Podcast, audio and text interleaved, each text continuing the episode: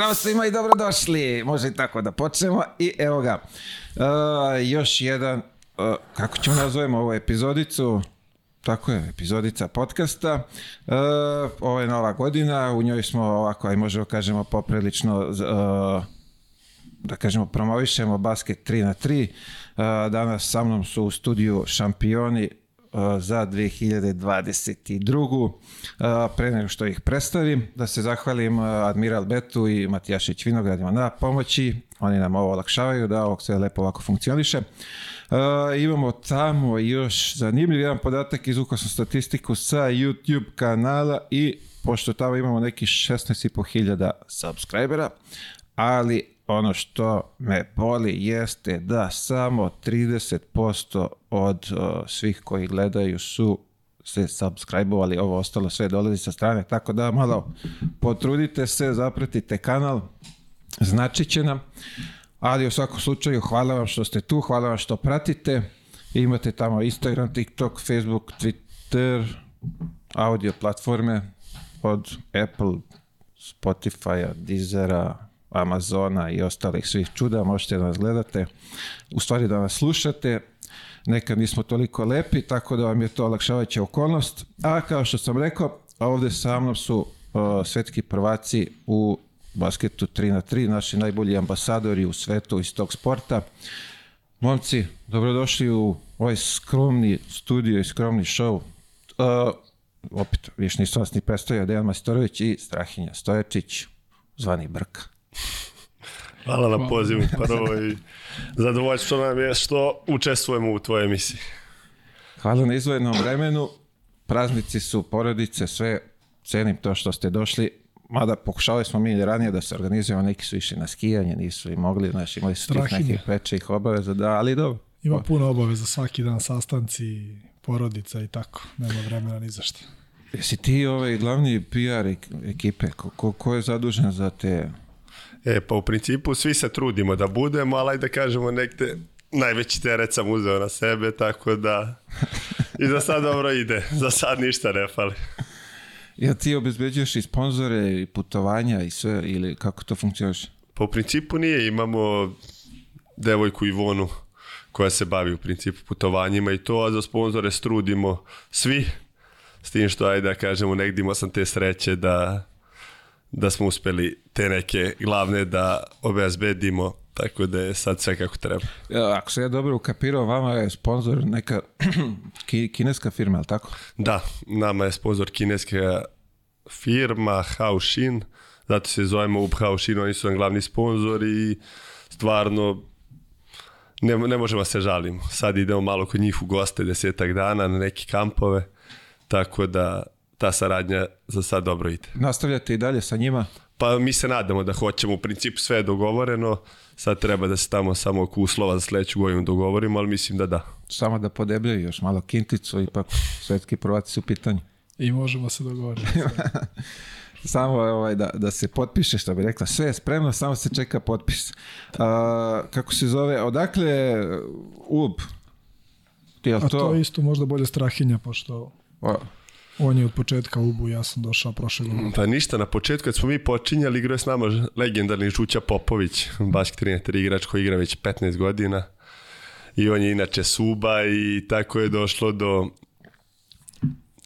neke priče, jer bio je problem i postoje Novi Sad za koji igrao Deki bio je Lima, postoje Beograd, a ti u Fibinim pravilima moraš da imaš neki grad ili deo grada u imenu. Aha, aha, aha. I onda je to bilo šta ćemo, kako ćemo. A vi niste mogli da telinara neka tamo? E, mogli smo, ali generalno vamo smo imali sreće sa Darkom Glišićem koji nam izašao susret i pomognu nam dosta i pogotovo te prve dve godine kad je stvarno bilo teško. Jer generalno sad je sve lakše. Jasno. Ušli su i sponzori sve. Na početku nam je pomogao oko tih putovanja, turnira, još oko neki parica za nas, tako da je na kraju bio odličan potič što smo uzeli ime UP. Bravo. A reci mi sad, pored ovog sponzora, možete vi, ne znam kako se to kod vas, ovaj, uh, kako to u, aj kažem u tom svetu 3 na 3, možete vi na, na, nalepiti još neke sponzore tu da to malo bude onako što bi rekla šaranije, a vama e efikasnije?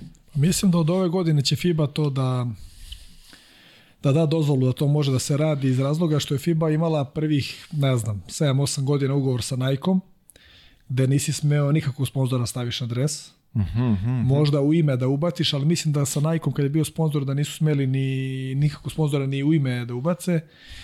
Posljednje dve godine je sponzor e, Wilson. Dozvolili su jednog sponzora na dres na šorcu i dozvolili su na rukavu da nosimo sponzora. Uh, da, tu, da uzmemo sliv, Lana, sliv i da okay. tu stavimo sponzora, jednog. I mislim da će FIBA od ove godine da počne da pravi svoju opremu gde će dozvoliti i malo drugačija imena, ja mislim da ne mora ni po gradovima da se zovemo, nego može se zoveš Real Madrid. Okay. I da će, ja mislim, dozvoliti neke sponzore na, na dresu ove godine. Mislim, i igrači na mi smo insistirali na tome sa FIBom da nam to dozvole, jer iz razloga kad mi tražimo sponzore, oni nas pitaju jel možete vi nas da zalepite na dres? Mi kao ne možemo. Pa da, kako da, možda da, nas da. reklamirate? Samo tako što možemo da nosimo majicu oko terena. Mi čak i kad osvojiš turnir ne možeš se slikaš u tim majicama na terenu, ne dozvoljava FIBA. Da, da, da, zbog da, ugovora da, sa njihovim da. sponzorima. Tako da se od ove godine nadamo da će oni to mnogo da olakšaju svima i da će sve ekipe da, da, da nađu malo lakše sponzore i da se to lakše funkcioniše. Pa mislim, opet, kad, kad gledaš neke poslovne strane, normalnije da se više tu i firmi i svega uključi, da to malo, ono, što bi se reklo, po, podiže, ali dobro, opet njihova, njihova liga, njihova pravila, moraš da se privikavaš, ne, nema, da. na, na to ste, ovaj, što bi se reklo, osuđene. Mi smo i par puta kad sam igrao za Novi Sad, odbijanje sponzora smo imali baš iz tog razloga, nemamo kao sve super, ali nama je interes da budemo na dresu.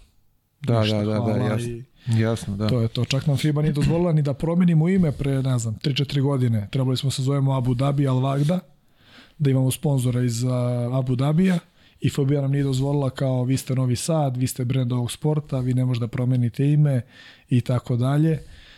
U suštini mi se nismo toliko razumeli u sve to i mislili smo da stvarno ne možemo da promenimo ime, a u stvari mogli smo da promenimo, nego oni nam nisu dozvolili. A viš koliko je sad tu bitno da imaš nekog i sa pravne strane koji da. uz vas da može to da vam pročita i objasni. Pošto uvek postoji neka rupa gde je ovaj... Gde može nešto se Gde može da se uradi, da, samo što kaže. A to je to Na iskustvo. To, kad je to bilo, pre koliko godina? Pa možda tamo 2017. 18. Pa, to, to je ono malte ne početak sami, jel tako? To je možda krenulo. Kad je krenulo zapravo onako ekspanzija cela? Ja sam počeo igram 2014. za Novi Sad, FIBA je počela postoji 3 na 3 2011. Čini mi se 2017. već po 16-17 već počelo da bude onako to dosta ozbiljnije i da FIBA pomaže ekipama i sa putovanjima. Tako da je u to vreme počelo onako sve to mnogo ozbiljnije da bude i da se čuje malo po svetu. 2017 smo postali olimpijski sport. Da, da, da, da, da. A kako se zove, ja bih rekao da ovde kod nas, to medijski, baš ste onako loše propraćeni? Pa pazite, mi smo sad pričali, ja kažem, nisam nešto preterano dugo u tome, dosta kasnije sam počeo, ali posle ovog evropskog i svetskog prvenstva ja sam u neku ruku baš iznenađen, čak bio, bilo je ono, prvi put u životu se dešavalo to da baš te ljudi prepoznaju, tako sam i oće da je ove godine bilo baš lepo ispraćeno. Ja smo baš komunicirali, on je isto imao taj oće da je znatno više bilo sad nego ranije.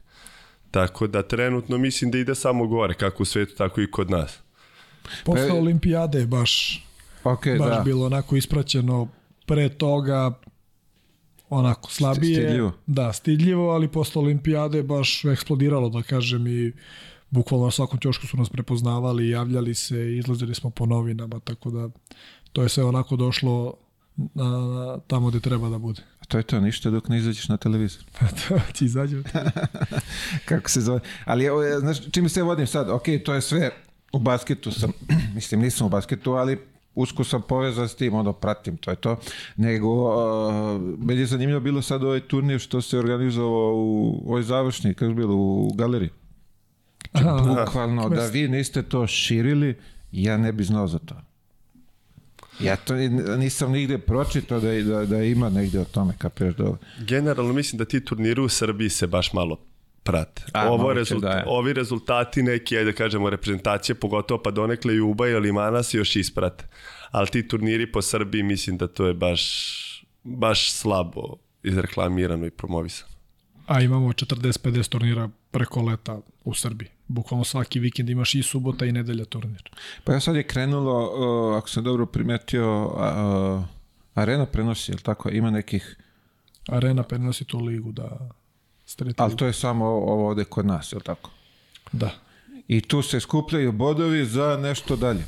Pa u principu da ono, e, RTS prenosi jedan deo košarkaške lige Srbije. To je što je, ako sam kapio, to je pod Savezom. Pod Savezom. Da, da. Sport klub prenosi World Tour okay. do polufinale i finale. Tu, svakog, ste, svakog... tu ste vi, jel tako? Da. Na tom. To smo mi, to je ovo ceo svet što putujemo, oni prenose uvek polufinale i finale, a Arena Sport prenosi ovu MT Streetball ligu, tako da u principu i to kažem, počelo je već malo ono da ima gde ja da se pogleda basket. I reprezentaciju prenose od 2018. svako takmičenje, ali sam se malo da kažem i razočarao ove godine s obzirom da evropsko prvenstvo nije bio nigde prenos ni na jednoj televiziji nisu prenosili evropsko, a od, asa, od 18. 2018. svako svetsko i evropsko su prenosili. Da li na RTS-u, da li na sport klubu, ali ove godine evropsko prvenstvo nije bilo prenošeno. Zato što je u isto vreme bilo kad i evropsko prvenstvo u košarci. Verovatno. Aha, aha, aha. A dobro, to je opet stvar do tih medijskih kuća, da. ko se tim bavi, ko šta prenosi, tako da... Uh, ajde ovako, pošto Nisu ja prilike da ugostimo celu ekipu ovde, nemamo dovoljno stolica ni mikrofona, red bi bio da pozdravimo i ostatak ekipe. Koliko ekipa broji članova? Kako, kako vi to? Broji, mi imamo dosta članova, e, fale nam ovde Marko Branković, Nemanja Barać, kako se furi zove? Vladimir Đorđević. Vladimir Đorđević i, i River Čen, imali smo Kineza jednog kao šestog, u ekipi zbog sponzora. I imamo trenere Marka Ždera, Danila Lukića, kondicione trenere Darka Krsmana i Aleksandra Miloševića. Naučio i... si prezim. Naučio sam Maca kako se prezio. I fizioterapeuta Stojana Subašića. Čekaj, koliko to ljudi? Da, da, 10 ljudi. Mi smo ozbiljna organizacija. To kažem, iz, zato i pričam, znam, od kada su se ovi kinezi ušli u nas, pokušamo nas. da stvarno, evo nas, od kada su ušli u celu priču, pokušamo da napravimo tu neku stvarno zdravu priču i mislim, si, sa sigurnošću mogu da kažem da smo prvi, ajde da kažemo, baš profesionalno, da ono sve imamo to od fizija doktora, kondicionog trenera, termina, terena na polju, da baš sve imamo. I tako da stvarno možda kažem da smo na dobrom putu da da nastavimo, da pravimo iste rezultate. Da profi, profi. Ali da. bukvalno vi ste sad, vidi samo broj ljudi koji ste nabrojali, što bi se reklo, ako su svi na plati, to je brez, znaš, to Stvarno smo profesionalci, imamo i, mislim, fizioterapeuta s nama na svakom treningu, što do sad nije bilo kod nas sigurno ni viđeno, niti bilo šta u našem sportu. Igramo ovo već 7 godina, bilo nas je četvorica i to je to a ne. nas ima sad 10 i sad se ne moraš ni da razmišljaš kako ćeš da treniraš, ni šta ćeš da treniraš, ni kako ćeš formu da praviš, svako ima svog kondicionog trenera, sad sve to prepušteno trenerima, kondicionim trenerima, mi samo dođemo na trening, po, mi treniramo strale pola treninga pa dosta na kafu i tako. a, na primjer, Nemanja Barat, njega smo jedva nagovorili. On je prošle godine igrao za slogu iz Kraljeva, igrao zadnje 3-4 godine u Češkoj, pa došao u slogu da odigra i ono bilo je hoće, neće, ja pređe na basket, ja sam ga već jednom dva put zvao dva, tri puta je odbio, ono kao igram košarku i dalje, imam sigurne pare, tad još nije bilo sve ovo, da kažem, na tom nivou. I sad kad je došao, ono, Kaže, bukvalno zadnjih par godina nisam u košarci imao to što sad imam ovde u basketu. Kao. A vamo se lomio, sad ću pravim karijeru. Znači. Da. Ali kaže da mu je lepo ovo uletelo, kaže da je razmišljao da počne da, da završava karijeru, s obzirom da je sad dobio drugo dete i tako da mu je basket uleteo sjajno. I za njega ko stvoren sport. Mirnije vode. I e, hoću, hoću da pitam, uh, kako ste se vi u stvari spojili i, i kako vi selektujete te mora, ne, znaš, mora, bar što da ja kako razmišljam, ti mora neko da nađeš da ti se poklepa za to, šta, šta je, kako nađeš čoveka za basket? Mislim, ono, ima ih u tonu, ali baš da vama odgovara taj. Bre. Pa pazi, u principu... Znaš kao pijena priča, kao basket sutra, ajde, čujemo se sutra.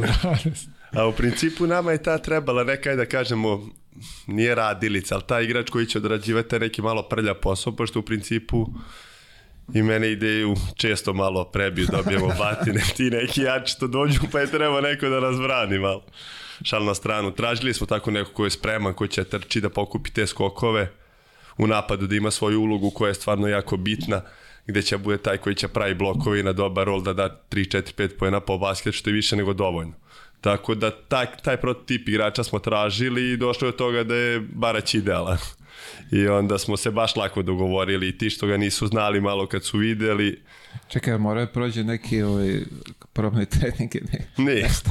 Nije smeo, probu, kao. nije smeo niko da mu kaže da dođe na probu, kao kad smo ga videli kao tu si, sve ok. Jel ja igram ili ne igram? A igraš. Završeno ti je sve. Ideš, ne moraš ni da treniraš ništa. Ti sebi odredi kako hoćeš.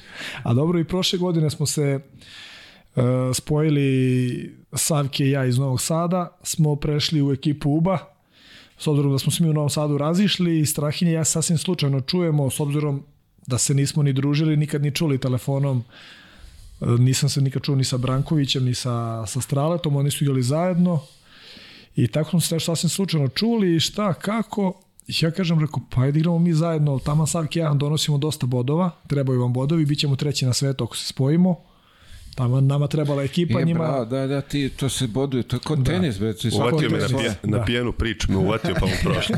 pa mu prošlo i na kraju dobro svima.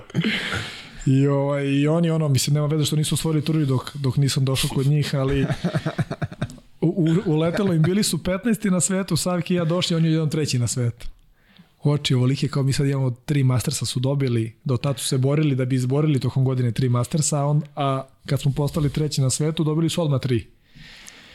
I tako je onda sve počelo. I stvarno smo, da kažem, odmah smo se skontali i onda smo zvali Žderu i Daču da nam budu treneri. I peti dan smo sedeli na piću i bilo je ljudi, ajmo na team building. Pet dana na koponik na skijanje. Ste Uglavnom svi oženjeni, svi imaju decu, ali... Ste skijali, to je zanimljivo. Da, da, skijali. Bilo baš dobro. Čekaj, bukvalno, kao i svaki posao što se ovde kod nas završava, mada je čujemo i preko, sve ih kreće iz kafaneva. Bukvalno iz kafana. Tako je bilo. Sreli se u kafani, šta ćemo, kako ćemo isto ovaj period, neki bio gotova sezona. Ljuba Aličić peo. Ljuba Aličić peo, šta ćeš godine, ne znam, šta ćete vi do godine, ne znam posle pete je bila, hoćemo nešto da pravimo i napravi se. A vi što je dobra stvar, bio, prenosite te bodove, znači bukvalno sad, da. a vi ste, ajde, glupo je porediti vas dvojica, ako imate bodova, ko, ko prvih deset zajedno. Trale sam ima bodova ko naša tela ekipa, on ima ono milion, koliko imaš, milion? Ajmo malo da ga pohvalim. Da. Po zaslugom. Nego FIBA ima neka čudna, čudne te bodove. Kad neko zakuca dobije tri put više bodova. I onda 3 na, hvala Bogu, 3 na 0 kuće. idemo, pazi, 3 na 0, ne, on će završiti, znaš. Bolje da ide on zakuca, vodovi idu gore, obezbedi prvo mesto i sve ga treba. Svima bolje. Imao sam ja jednog u ekipi ovaj, koji, znaš, ono gotova utakmica, sve, a samo kontri jedan. Znaš, svi stali gotovo, pozdravljamo se. Ali... dva indeksna pojena, pa ti vi. pa su nas posle jurili na Cetinje, teli nas biju, gled. E, pa da, to je I odigrala celo, Cetinje odigrala kladionicu, I bilo je, bilo je, slagaću te, ako se dobro sećam, tipa 14 i pol, kako to ide već da, ono, šta već. I uglavnom 13 razlike, znaš, svi srećni. I neka lopta, oni šut, a naravno ono šutiraju da promaše. I bam, bam, bam, poslednji napad, ba, to oni šutiraju, ono kao gotovo, znaš i hvataju i ovom u kontru i on sam 2 na 0 cijela klupa skače ovako ne, njega sam srećan dva pa brate, znaš kako smo bežali u tunel brate, stilu jedno živu glavu izvukli a nismo znali čemu se radi tek posle nam rekli brate, što niste rekli odmah brate, znaš kao haos brate. tako i ti znači te jeftine poene i bodovi skaču pa da. a koliko dobiješ bodova za kucanje? a ne znam tačno kako to ide ali stvarno je to neko glupo bodove da oni računaju atraktivan potez je kao zakucavanje, neka dobra asistencija i blokada i na to se dobija više bodova. Ali više nije to glupo, izvini, nije, nije to glupo. U Španiji imaš, imaš u, u statistici kucanje ti važi ona dva, kako je? Dva indeksna pojena. Da, brate. Pa to to, oni hoće tako kao malo atraktivnost. A kad pogledaš mislim, da realno, te, mislim da e, to tako i treba. zakucati nego da ti da, da. zicar. Znaš zašto mislim da to tako treba? Zato što mi kad, sam, kad smo igrali, Novi Sad bude najbolja ekipa na svetu i četiri igrača iz Novog Sada su četiri najbolji igrača na svetu.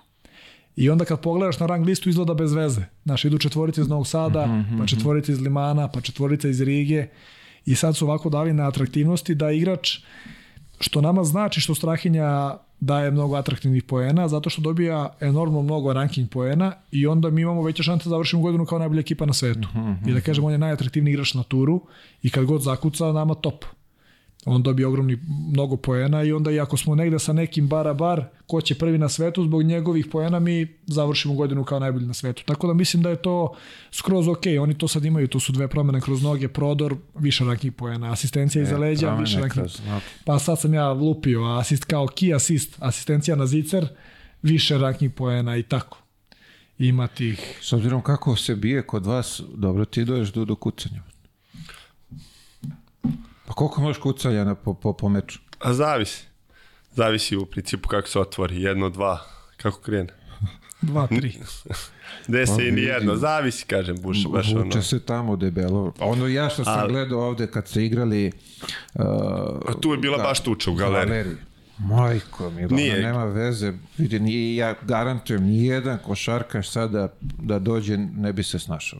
Malo je čistije na, na Mastersima. Da tu su baš pustili da se, da se bije. Što kažeš da imaju gore u, u gore tuča na ostalim tim manjim? Na Mastersima je čistije, na Mastersima, ali ima negde pojaviš se na Challengeru i onda puste opštu tuču isto.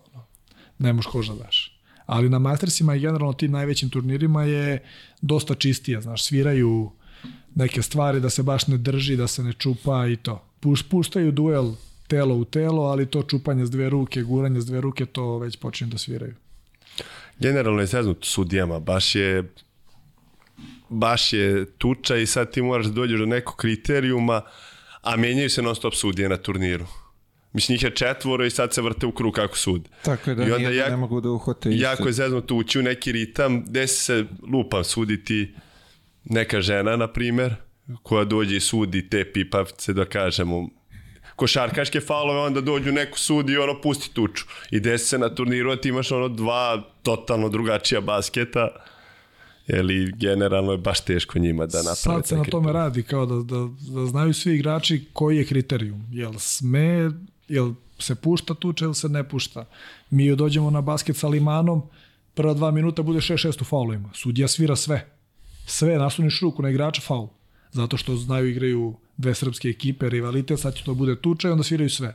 I onda dođemo sledeća tekma, ne znam, sa Belgijancima, mi kao ajde polako bez ruku, oni uzmu prebiju nas najstrašnije, ništa se ne svira. na što puste kao tuču. Ali I onda stvar, tako je malo... Dobra stvar što ne može niko da se izbaci iz... Mislim, nema ono kao košarci pet faula, nego možda mlatiš koliko Bilo hoćeš pa... Bilo je 2013. četiri faula ideš napolje. I kako se završavalo to? Po pa 10 da završe ekipe sa dva igrača na terenu. I to su promenili onda 2014. A to je to, vidiš, koliko, koliko njima je trebalo, čuči, znači, koji, znaš, to je isto proces dok ne možeš da menjaš u sred sezone, kapiram, ali onda za sledeću, pa onda više ne radi, pa opet menjaj nešto dok, dok se, jer je to nešto novo, znaš, i onda moraš da, da pronađeš... Napredu iz godine u godinu, ja se sećam i 2016. To je svaki pick and roll, mi ga nismo zvali pick and roll, nego push and roll. Zaletiš se s dve ruke i igrač, igraču u leđa, gurneš ga i otvoriš se. Pazi, ne postoji opcija da odbrani dva najbolja igrača u istoriji odbrambe na ono, u košarci. Ne postoji opcija. Znači, samo ga gurneš dve i otvoriš se. Pa ti preuzmi. ti sam si. I onda je to bilo, onda, onda igrači se žale, pa onda ok, nema više guranja s dve ruke igrača u pick and rollu i tako sad tako sve malo menjaju pravila da se to što da se to što više očisti i da, da, da znamo svi šta je faul, šta nije faul, onako malo smo slični vaterpolu. Ne znam niko nikad šta je faul. Da, šta da, je da, faul. da, da. da. A čekaj, dobijete vi pred, pred sezonu ne, neki taj rules book, kako već, kako god ga zovu, pravila? Generalno neka. uvek na početku dobiješ te neke nova pravila što se, što se menjaju ali opet kažem, dođe ti nekad sude, nekad ne sude ti znaš šta je pravila, ali opet, ono, znaš sam kad igraš, nekad misliš nisi ga jako, posle pa pogledaš, pocepo si ga. Pa samo sam ga pipnuo, da. ali nisam ga ni pipnuo, u stvari, to se, to se meni često dešava. Ja moće mene tuku tri put više svi nego ja njih. A onda dakle, kad gledam snimak, ono. A i mi igrači, znaš, svi kukamo, ja nemoj ovo, nemoj ovo i onda oni zabrane nešto ali mi nađemo nešto drugo, onda isto nešto prljavo da, da povučeš i to jedno vreme ne sviraju i onda kad sudije pogledaju neke snimke kao je, nemojte to više da radite i Ali da, jel se desi nekada da se baš onako izbije ono baš tuča tuča na, na tom Evo sad na završno bi mogla da dođem i protiv Amerikanac, protiv Princetona. I ono malo je bilo Malo dinamičnije, grublje. ali razdvojilo se sve kako treba. Baki je isključili jednog njihovog, pa smo 3 na 3 završili, ali bilo dobro. A dobro, ne, ne bude, ne sme da izbije baš tuča, tuča, to bude malo koškanje, ali ovo sad mi Amerikanci bilo malo jače. Malo jače koškanje, Baki ga uhvatio za glavu, legao se pomeri, ja legom preko njegove ruke da ga razvoju, ne postoji opcija, rekao samo da ga ne udari, da ga ne, disk, ne, ne diskvalifikuju sa turnira. Tako da je bilo dobro. A vidiš, propustio sam, nisam mogli te završne, kako se, sad ovaj, to što ste, u Abu Dhabi. Abu Dhabi, da. U Abu Dhabi, da. Uh, e, gdje ste igrali? To me isto zanimalo. Gdje u Abu Dhabi? Gdje je uh, bio Ice, Ice Island. Tako? Da, pored Formule 1. A, ok, da, nije to Ice Island. Jeste, jeste. Na Jasu. A, Jas, da, yes. da, Jas. Ja razumio Ice. Da. Jas. Jas, da, da, a, dobro je tamo, tamo. Jeste. Ste koristili vreme za plaže? Je bilo... E, išli smo post turnira, zadnji dan smo otišli i bi, bi, imali smo jedan dan let nam tako bio petak, utorak, pa završili turnir u nedelju, u ponedljak bili malo do plaži, igrali odbojku, ja izgubio. Bolje sam da kaže, nego da se ubaci. da, standardno sve. Zna se ko je izgubio, ko je pobedio i tako. Kako se osjećate vi ovaj bre sad kao svetski prvak? Tebi to nije, ti si, ti si to prošao više puta. A uvijek mi je isti osjećaj onako ma, lepo je, ne znam nikako da objasnim, presrećni smo, cele godine nam je bio cilj taj finalni World Tour, da kažem, pred svaku godinu napravimo neke ciljeve, uglavnom su to svetsko i evropsko prvenstvo za reprezentaciju i finalni World Tour. I naravno šta se od ovih ostalih turnira osvoji, super. Tako da smo mi osvojili prošle godine četiri mastersa za redom, onda smo počeli malo lošije da igramo posle evropskog prvenstva i počelo spremanje mesec, dva do, do finalnog, samo za finale, malo smo žrtvovali taj Hong Kong koji je bio dve, dve nedelje pred finalni i stvarno smo na finalnom odigrali ekstra. To je ono popularno obaranje forme, a? Da, obaranje. Što bi rekli ovi veliki treneri, obaramo formu, znaš kao sad, pa ćemo da dižemo. A, ovo me zanima, e, Evropsko svake godine se igra, je li tako? Kako Evropsko to? i svetsko svake godine se igra. Svake godine. S tim što kad je olimpijada, nema svetsko. Znači, evropski imaš svake godine, da kažem svetsko, tri put za redom, pa olimpijada, pa u krug. Ja, možete vi da zavrtite, ovaj, da napravite ono ko novak, onaj prsten, pa pokupite sve te masterce. Uf, pa nije ni Novak to uradio. U stvari jeste, ali nije u istoj godini. Pa dobro, evo, da uradite ga vi, pa ne mora da bude evo ono. Evo, sad ćemo da počnemo. Da počeli smo na finalnom, sada nastavimo. Nadali smo se da možemo posle ova prva četiri mastersa i onda na petom smo izgubili u finalu, Strale primio trojku, nije teo preuzme. Moguće. E, moguće. Šalim se, strale i ja smo bili krivi. Ja. Ne, malo više ne, ja, ti si bio kriv. malo više ja, nema veze, nisi ni ti bio daleko. Tu. I, a, a teško je, teško je i motivisati se iz nedelju u nedelju i putuješ ono, Mongolija, pa Montreal, pa Evropa, pa i nekako kad god dođeš na turnir realno, kad osvoji četiri mastera sa redom, svi protiv tebe ulaze ono s 300%, a ti možda malo opušteni, malo i padne forma i fizički i psihički se malo opustimo i onda... Pa dobro, ja bih rekao da ste vi poprilično trnu oko svima tamo na tom, na, aj kažem, kako zove to, tur? World da. Tour, da. Jer ovaj, vi ste non stop pobeđujete, verovatno idete im na, na, na živce, što ne mogu da vas kinu. Verovatno, da, da. Se osjeća to malo, što bi se rekla, ta neka tenzija? Pa generalno ja je ne osjećam. Ono u principu, sa svima si ti dobar struktura. Igraš tih prvih 5-6-7 ekipa, kaže, na, na svakom turniru su, ako ne na svakom, od prvih top 8 ti imaš bar šest ekipa uvek na Mastersima. Tako da ono i s njima si često i na kraju je to već na terenu, naravno svako gleda sebe i da pobedi, ali generalno uvek post turnira se završi na nekom pivu, ili tako? Pa dobro, te ideje ima prilike da se popije, ili tako? Da. da. U Saudijskoj Arabiji smo završili turnir u Rijadu i bio je i tvoj drugar Skole tu Skoko. Veliki selektor. Da. Da ga i... pozdravimo ovim putem, kamera na meni, ne. Ja pozdravim, e, ovako sad, evo i vama kaže, običaj kart je bio za svetsko prvenstvo i na kraju, kao, dobro ga znate, napravio se Samo ispolirao. E, Brate, ja ste zvao, ti nisi došao. Ja moram da kažem, pošto ja trebao da preskočim taj Hong Kong i imao sam kartu za Dohu, za Hong Kong preko Dohe. I onda sam teo da odem i baš sam se čuo s njim i on je rekao, Biće nas dosta, ali dođi, spavaćemo na podu, pa, nije dakle, problem. To, tako u, da je, ne, ne, teo je dugosti, Dosta, tako da, da, tih dosta, ja sam dobio pedale. ja tamo. ali sam, ne, ne teo da ugosti, to znam, ali sam na kraju morao da je u Hong Kong, pa nisam ostao. Pa da, a dobro, ne veze. Vratit ćemo to kad tad. I kažem ti, post turnira u Rijadu, kao pitao ja, kao je da pitam, možda u nekom hotelu ima pivo alkoholno. Kao ima pivo, kao da, da, da. Daj, kao, daj šest piva. Nula, I on vadi pivo, ja gledam. Rekao, ima tu alkohol? A, no, no, no, no. Pa da, šta kažeš? šta da pijem kad me ne hvata? Šta ja pijem pivo? Kad me ne... Ja u dohu kad sam došao ovaj, i uđem u neku prodavnicu i ovako pogledam pivo. Ja se obradao, i neke čudne flaše sve, znaš, ja se obradao, rekao, taman, jednom da ugasim žeć, ja tamo ono nula, nula, neko je. ali uzao sam, probao sam da vidim kako, ali, ali da. limonada neka, nešto, da. da. što bi rekao, pikac ni da pecne. Ovaj, od tih turova šta je najzanimljivije? Pa generalno završni taj onaj što ga gađaš, smo malo pre pričali, on je glavni cilj. Ali ove godine će biti 11 ili 12, možda čak i 13 tih mastersa.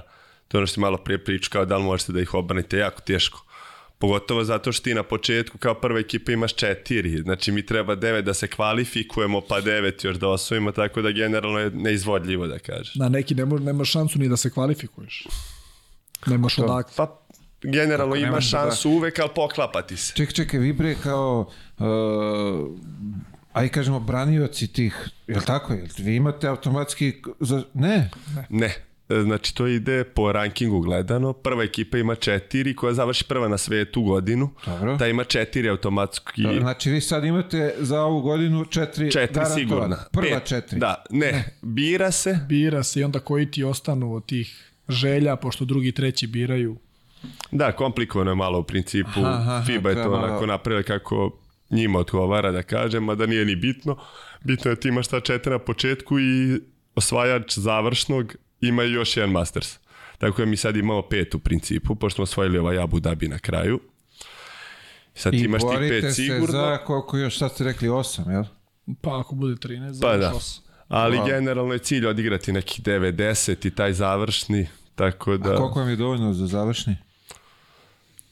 To isto na te isto bodove? Isto skupljaju bodovi, da. Ali u principu sa pet si ti već siguran, da kažeš, na završnom turniru. Znači, osvojite pet i posle možete nakriviti šešir. Pa da, samo što je opet pojent igrati što više. Jasno, jasno, nego ono, cilj je da se klasifikuješ da, da. za završni. Da, znači, da. ti kad u, ubereš pet komada, posle je ono, A laganica, rasterećen si. Challengeri vode, finalisti na challengerima idu na masters neke određene. Mm -hmm. I onda mi sad pravimo plan pred sezonu, biramo taj, taj, taj, taj, a biraju i treći, i drugi, treći, četvrti biraju. I onda ako mi, oni izaberu pre nas, mi dobijamo neki koji smo možda stavili četvrtu želju, nije ni bitno, i onda te masterse što nemamo, gledamo koji challengeri vode na te masterse što mhm, nemamo, i onda mhm. tu praviš plan. Taj challenger igramo, taj igramo, ovaj ne igramo, okay, ovaj nam okay, ne okay, treba, i onda se desi da neki challenger koji te vodi na neki masters koji nemaš, a taj vikend kada je taj challenger je masters neki, koji moraš da igraš. I onda nemaš kako se plasiraš na taj ja, Masters aha, koji ti fali. Aha, Mi ove da, godine da. nismo imali šansu da plasiramo recimo na Filipine, ta neko ostrovo Sibu. Nismo imali nikakvu šansu da se plasiramo na, na taj Viš, taj malo to, da, malo to još nisu uredili što bi se reklo kako treba. Pa generalno mislim da će to ove godine da bude dosta bolje. Bio je problem i korona i sve putovanja, Kina zatvorena, nama je Kina da kažemo glavna država, imaš najviše turnira u Kini, onda kad je njima Kina zatvorena, to je i nama svima loše. Tako da sad pokušavaju, zato i produžavaju sezonu što duže da bi imao više vremena, da se to sve ukombinuje, da svima bude dobro. I sad je neki plan gde će oni da pokušavaju da čak možda i da stavljaju sredo, sreda četvrtak da se igraju neki turniri da bi svi imali šanse za... Da možda se oko gopaš za vikend tog pa masera. Da, da slahu ili kako već. Pa, Ali generalno naporno. je i naporno, da. Generalno pričam neizvodljivo igrati sve te masterse, to je generalno ti evropsko, svetsko, masterse i još te challengere, moraš da odigraš 30-40 turnira u godini, to je baš preterano. A i gledamo da žrtvujemo neke masterse ili challengere koji su 7 do 10 dana pred svetsko ili evropsko, mm -hmm, pošto je to mhm, mhm. prioritet. Da, da, da, I onda pred evropsko svake godine bude Montreal 4 dana pred evropsko 5. Ti se onda vratiš iz Montreala i sutradan ideš na evropsko. Da, da I to je nalaziš. realno da, katastrofa, em što si umoran, što si raspadnut od puta, jet lag i realno je da se desi da odigraš loše neki basket i ispadneš recimo u četvrfinalu. I onda se žrtvuju neki mastersi, neki turniri koji su pred reprezentativne obaveze i to je to, nema šta. Vidi bre, ima tu kalkulacije ozbiljne da je to. Pa evo sad jedan primjer, izvini, mi smo bili tri puta u Slovačkoj prošle godine na nekom njihovom turu da bismo se plasirali Untrecht na Masters pošto je to bila jedina šansa i Slovačke. Mm -hmm. I onda izgubimo u finalu finala Slovačke 21-20 i ne plasiramo se unutra. I to je onda ono, tri vikenda si znači potrošio, A što igro si na betonu. Zar nije jedan dovoljan?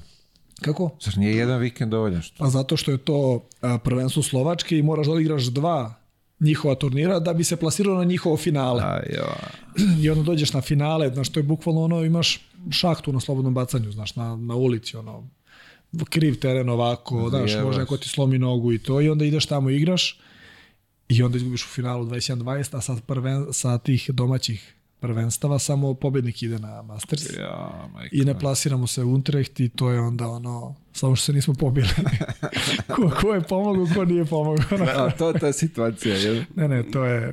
To je sigurno najteži poraz ove godine, ono, kaže, stvarno što on kaže, cimaš se, ideš za Slovačku, ali to je ono, glupo sad za pričati, ali ideš na turnir, tebi je skuplja sigurno da odeš tamo nešto te, tebi nagrada ali ti ideš samo bi se kvalifikovao dalje. I, onda... I, to ono ideš 4-5 sati se vozaš, pa prespavaš, pa odigraš turnir, ceo dan si to ujutro od 10 do uveče do 10. I onda sedaš u kola, voziš nazad, stižeš ono četiri kući. Čekaj, evo sad kad si rekao, vozite se to, jer ovo, ako se ja dobro informisam, imate svoje prevozbe. E, uzeli smo neki kombi za, za ta bliža putovanja, da kažeš. Slovačka spada u bliža putovanja. Uzeli smo kombi da. zbog team buildinga, realno. da može više da na stane kad je na kopi ili negde, da ne ide za automobil. Šalim se, pa nije, ne u generalno taj Debrecin imaš par mastersa koje su u blizini, mislim u blizini, 5-6 sati kolima, i onda to da bi mogli da idemo svi zajedno, ajde malo komfortnije, malo druženje, tako da imamo. Jeste ga brendri, ovaj, brendirali? Brendirali, jesmo. Stvarno ima... Da, ima da. sa strane 3x3 UBA, s druge strane 3x3 Akademije. A nema vaše glave, niste to polepili. Ne, vidiš, to je... A to, brate, mora da... To Sad kad sam šolju video mi palo, palo na pamet. To je ozbiljna ideja. Znam, radim i marketing, sve ovdje ćemo završćemo. sve može. Da, da znaš da je dobra ideja. Sad će Poslije na granici ne moraju ni da pit, traže pasuše, vide ko je tu i... Samo pusti. Teraj dalje, brate. Da. A ko je šofer, brate? E, pa mijenjamo se, ali u principu on najviše voli da vozi. Pa zašto sebi verujem, verujem više nego njemu? A dobro, to koliko je deve života u pitanju, je li tako? Šalim koliko može da volim, da stane? volim da vozim i onda dođem umorni, a oni realno niko ne voli i onda... Ajde. Ima dobra priča kad je Dača Lukić, trener, krenuo sa njim u Slovačku. Mi idemo u Slovačku, baš ono lagan turnir će da bude i kaže Dača idem ja da bi vozio vratili se ono odgledao seriju cijelu, odgledao pet epizoda u jednom pravcu, pet u drugu. Ne, mogu, idemo 105 na sat kao ceo put, znaš, rekao daču, stani. Ja ću voziti pola. Bar po ograničenju da vozim. Da. A, a kako se zove ovaj, sad to je dobro za team building kad izgubite i sad treba opet svi da se nakrcate u kombi. Kako to izgleda? Je to neka ona grobna tišina? Pa to u Slovačkoj smo morali da ostanemo još jedno veče da bismo malo ublažili bol, pa onda ujutru su bili mamorni svi, pa niko ništa nije pričao. nije bilo da priča. Pustili da, da odleži. Kažem, generalno ove godine, ajde, nije bilo toliko tih teških poraza. Ajde, kažemo, jedan ili dva, da, da su baš bolela. Ali generalno nema, ono, takva je sezona, što ja kažem, pričam. To kao svetsko, euforija i sve, ja sam za sedam dana već na sledeći turnir išao. I sad ostaje to negde tu, ali neko taj euforija, kako si ti non stop na turnirima brže prolazi. Verujem, ona si kući pa non stop. Da, ono, da, nema, da, da, da, Ono bio si super, proslavili, došli kući, žurkica i ti Ajmo, za dva da. dana dalje na turnir. Evo, meni za dve godine što sam s njima, uh, najteže mi je pao poraz prošle godine na finalnom World Touru u četvrfinalu da smo došli kao na finalni, ajde da, da, da, kao da se osvoji, dođu Belgijanci i počiste nas nismo zaslužili da prođemo, ali to što on kaže, nema turnira sledeće nedelje, nego sledeći turnir za 5 meseci. Ja. I onda razmišljaš o tome 4-5 meseci i čekaš Belgijance, znaš, a ovako izgubiš u sred sezone, sledeći vikend već snima. I okay, onda, znaš, odmah sledeći vikend se fokusiraš na sledeći turnir da osvojiš i onda je to lagano. Ali to kad imate 4 meseca pauza je onda... To je, ja to gledam kao ovde kad igraš ono vikend, vikend. Pa izgubiš, pa čekaš opet sledeći vikend. Pa ako te opet izgubi, pa onda čestite da ti, onda mesec dana ne znaš da pobediš, ne možeš da se sastaviš. Znam, ali da. druge strane ovo nije realno što sad se igra Zvezda Partizan, ja ne znam kako ni ljudi izdržavaju. A kako, šta?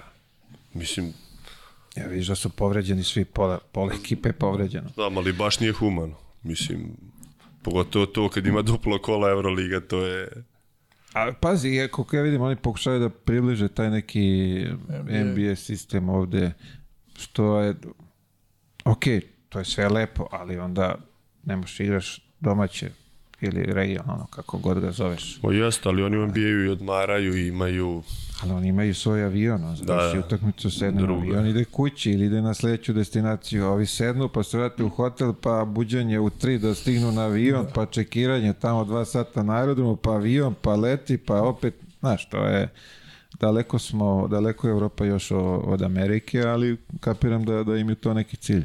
Pa da. Ja sam pričao s Duletom Olimpijević kad je bio u Zvezdi. Sada neću ja pričam priču da ne slažem, ali to je nešto bilo ono 10 sati bus, pa avion, pa... U, pa ti kreni... u 4 dana, u četiri, pet dana proveli 50% vremena u prevozu. Pa evo, kreni sad, nek, e, evo odavde primjer, da idu za Ljubljanu. Znači ti ideš busom za Ljubljanu, logično, da. tako. To ti je koliko? 7 sati. Da. Još bus, nemoš to terako, znaš, to mora da se odmori negde, da se...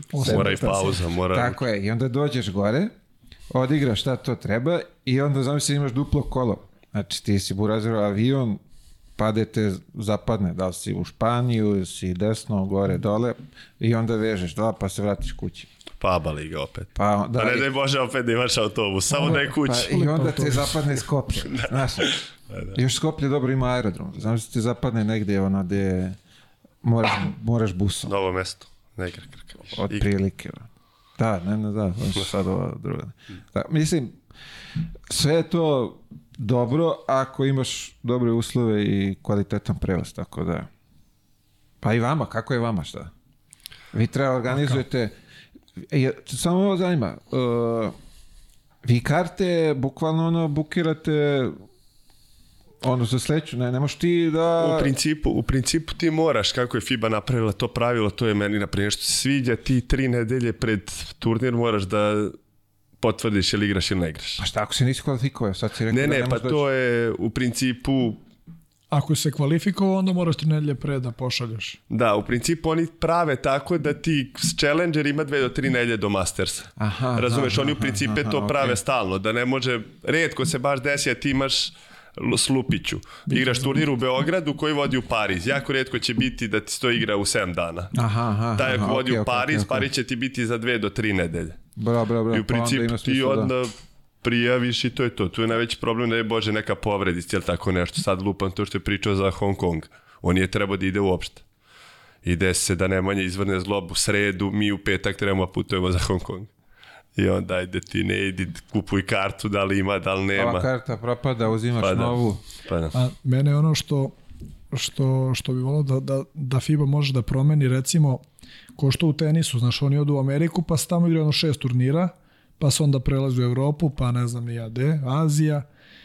Mi ovde, desi se, to što sam ti rekao, meni se desilo pre dve ili tri godine da smo igrali Mongoliju, vratio se kući i sutradan putovao za Montreal. A, brate to jest iz iz Montreala smo došli kući, pa smo putovali za Mongoliju. Mi u Mongoliji nismo znali gde smo, nismo znali koliko ima sati.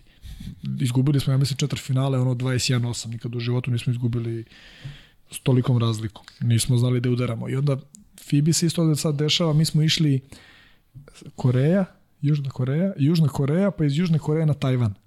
I to je sad u 7 dana. I sad ti moraš sam sebi da organizuješ između ta dva turnira. Znači, ne možeš sada da se vraćaš kući, nema smisla. Da, da, da, da, da. I onda mi, ono iz Južne Koreje, mi smo promenili 10 letova na ta dva turnira.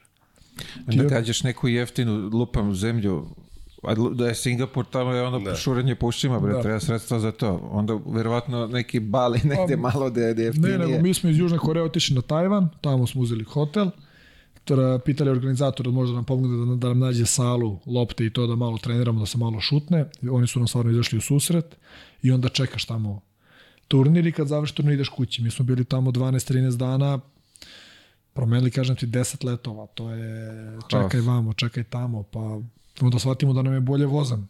Vozom da smo na Tajvanu išli iz Tajvan City-a dole do Tajnana, I onda smo propustili let taj i onda smo samo seli na vozi i došli za sat vremena do, do Tajnana, ono 600 km. Tako da, kad bi FIBA uspela tako da napravi, da u Aziji bude 7-8 turnira, pa onda ostaneš tu.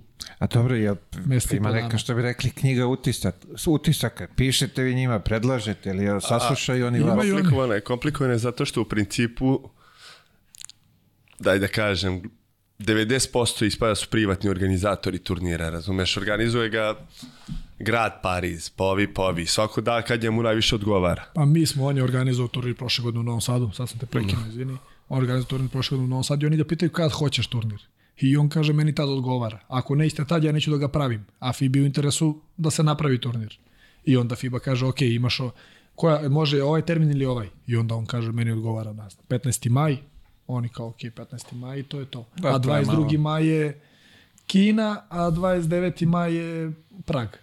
Pa ja sam imao, tad još on je bio tu.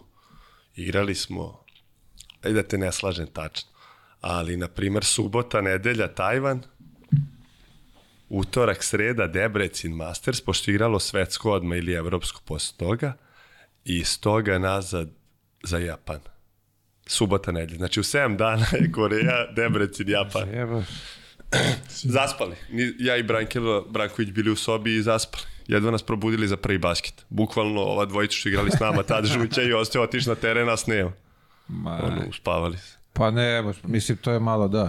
To je da se pa povrediš 100%, jedan kroz jedan. Neko se povredi, mislim. Pa ja mislim da bi, ako je već, pra... vidi, vi ste bitni za te turove, kako god da. Da, da. Znači, nije bitan organizator.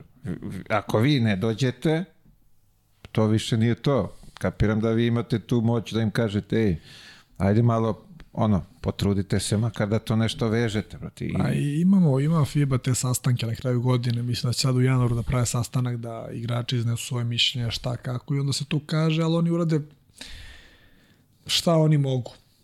Znaš... A mogu oni, vidi, mogu oni, samo je pitanje koliko ste vi kao grupa jaki da, ali, da im naša, kažete. Ako, pošto mi, mi živimo od tih turnira i tu je redko ko da ima neku mesečnu platu, to su mi dobili prošle godine sponzora, uglavnom si živio od tih turnira.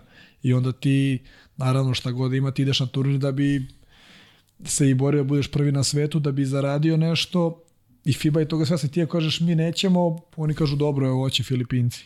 Njima je blizu. Pa znaš. Pa mislim, ne, ne, nećemo, nego, ajde pa malo urazumite se, bre, izađite nam u susred da ne možemo, da plaćamo dva leta do, do Kine da. u, u 7 dana. A oni te master se gađaju.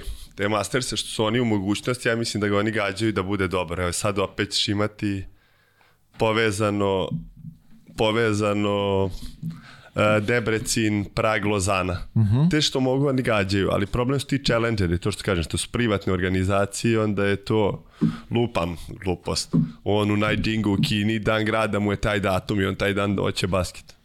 I nema tu šta dalje da, se da, priča, da, on napiše da, da, da, ja bi tad. Da, da, da, da. Tako da sad je na FIBI da li oni prihvate ili ne prihvataju. On će ga organizovati, pa će ga organizovati kako njemu odgovara. A samo vam on vodi tipa, na primjer, negde u da. Abu Dhabi. Da. da. da. da. Da, to je onda... Ali ja opet mislim, ako se priča, predlaže se da bi trebalo da imaju sluha malo koliko, toliko da... Pričaju dosta igrači i priča se stalno i sad mi se nadamo da će oni da usvajaju svake godine po nešto pa da, da polako i sport postane onako, da kažem, sličan tenisu, da, da sve bude kako treba. Pa dobro, vidiš, ajde da kažemo, mlad je sport, znaš, i onda za taj razvoj je vjerojatno potrebno vreme neko da se to sve uklopi. E, ovo, spominjao sam Mongoliju, kako je to tamo? Ja nisam bio. Ja sam bio dva puta. Ok. jako je jeftino, to znam. Pa mi smo igrali, tri puta sam bio. Tri puta sam bio u Mongoliji. Drugi put kad sam bio igralo se na polju, mislim da je bio septembar, oktobar. Kunem ti se ovako je mrežica stajalo nije postojala opcija bacanja da se pogodi. To su rezultati bili 9-8, 11-10 i to je bilo katastrofa, ali generalno oni organizuju lepo te turnire, oni bukvalno žive taj sport s obzirom da u 5 na 5 ne mogu ništa da naprave i mi smo upoznali to od njihova organizatora i ono, onako ljubazni su, znaš, i, i vole da ugoste i kad god neka, koja god ekipa dođe, oni im daju neke poklone i žive za to. Pa svetsko prvenstvo sledeće godine u Mongoliji, tako? Nije? U Beču. Nisam to znao. Mislim da je Tako da organizuju, organizuju super turnire. Bilo je tamo svetsko za, za U23 ili za U18 pre godinu dve dana. Turniri su super tamo. Organizacija i to sve. u Lambator grad ko grad, ono. Šta znam. A dok stigneš posebno. tamo je malo ono komplikovano. Ču, sad se ni ne sjećam mogu da se ide do tamo, ali komplikovanije nam je i Kina i Japan i eto ta Utsunomija, to je prvi turnir, to je negde u Evropu 2 sata, pa onda 12 do Tokija, pa onda busom 3 sata. Eto, to je jedno od komplikovanih putovanja. oh my, I onda se ja nis... tradan da igraš. Zato ti zamisli i to isto. Da, znaš, da dođemo dva dana ranije, da nam se plati smeše dva, tri dana ranije.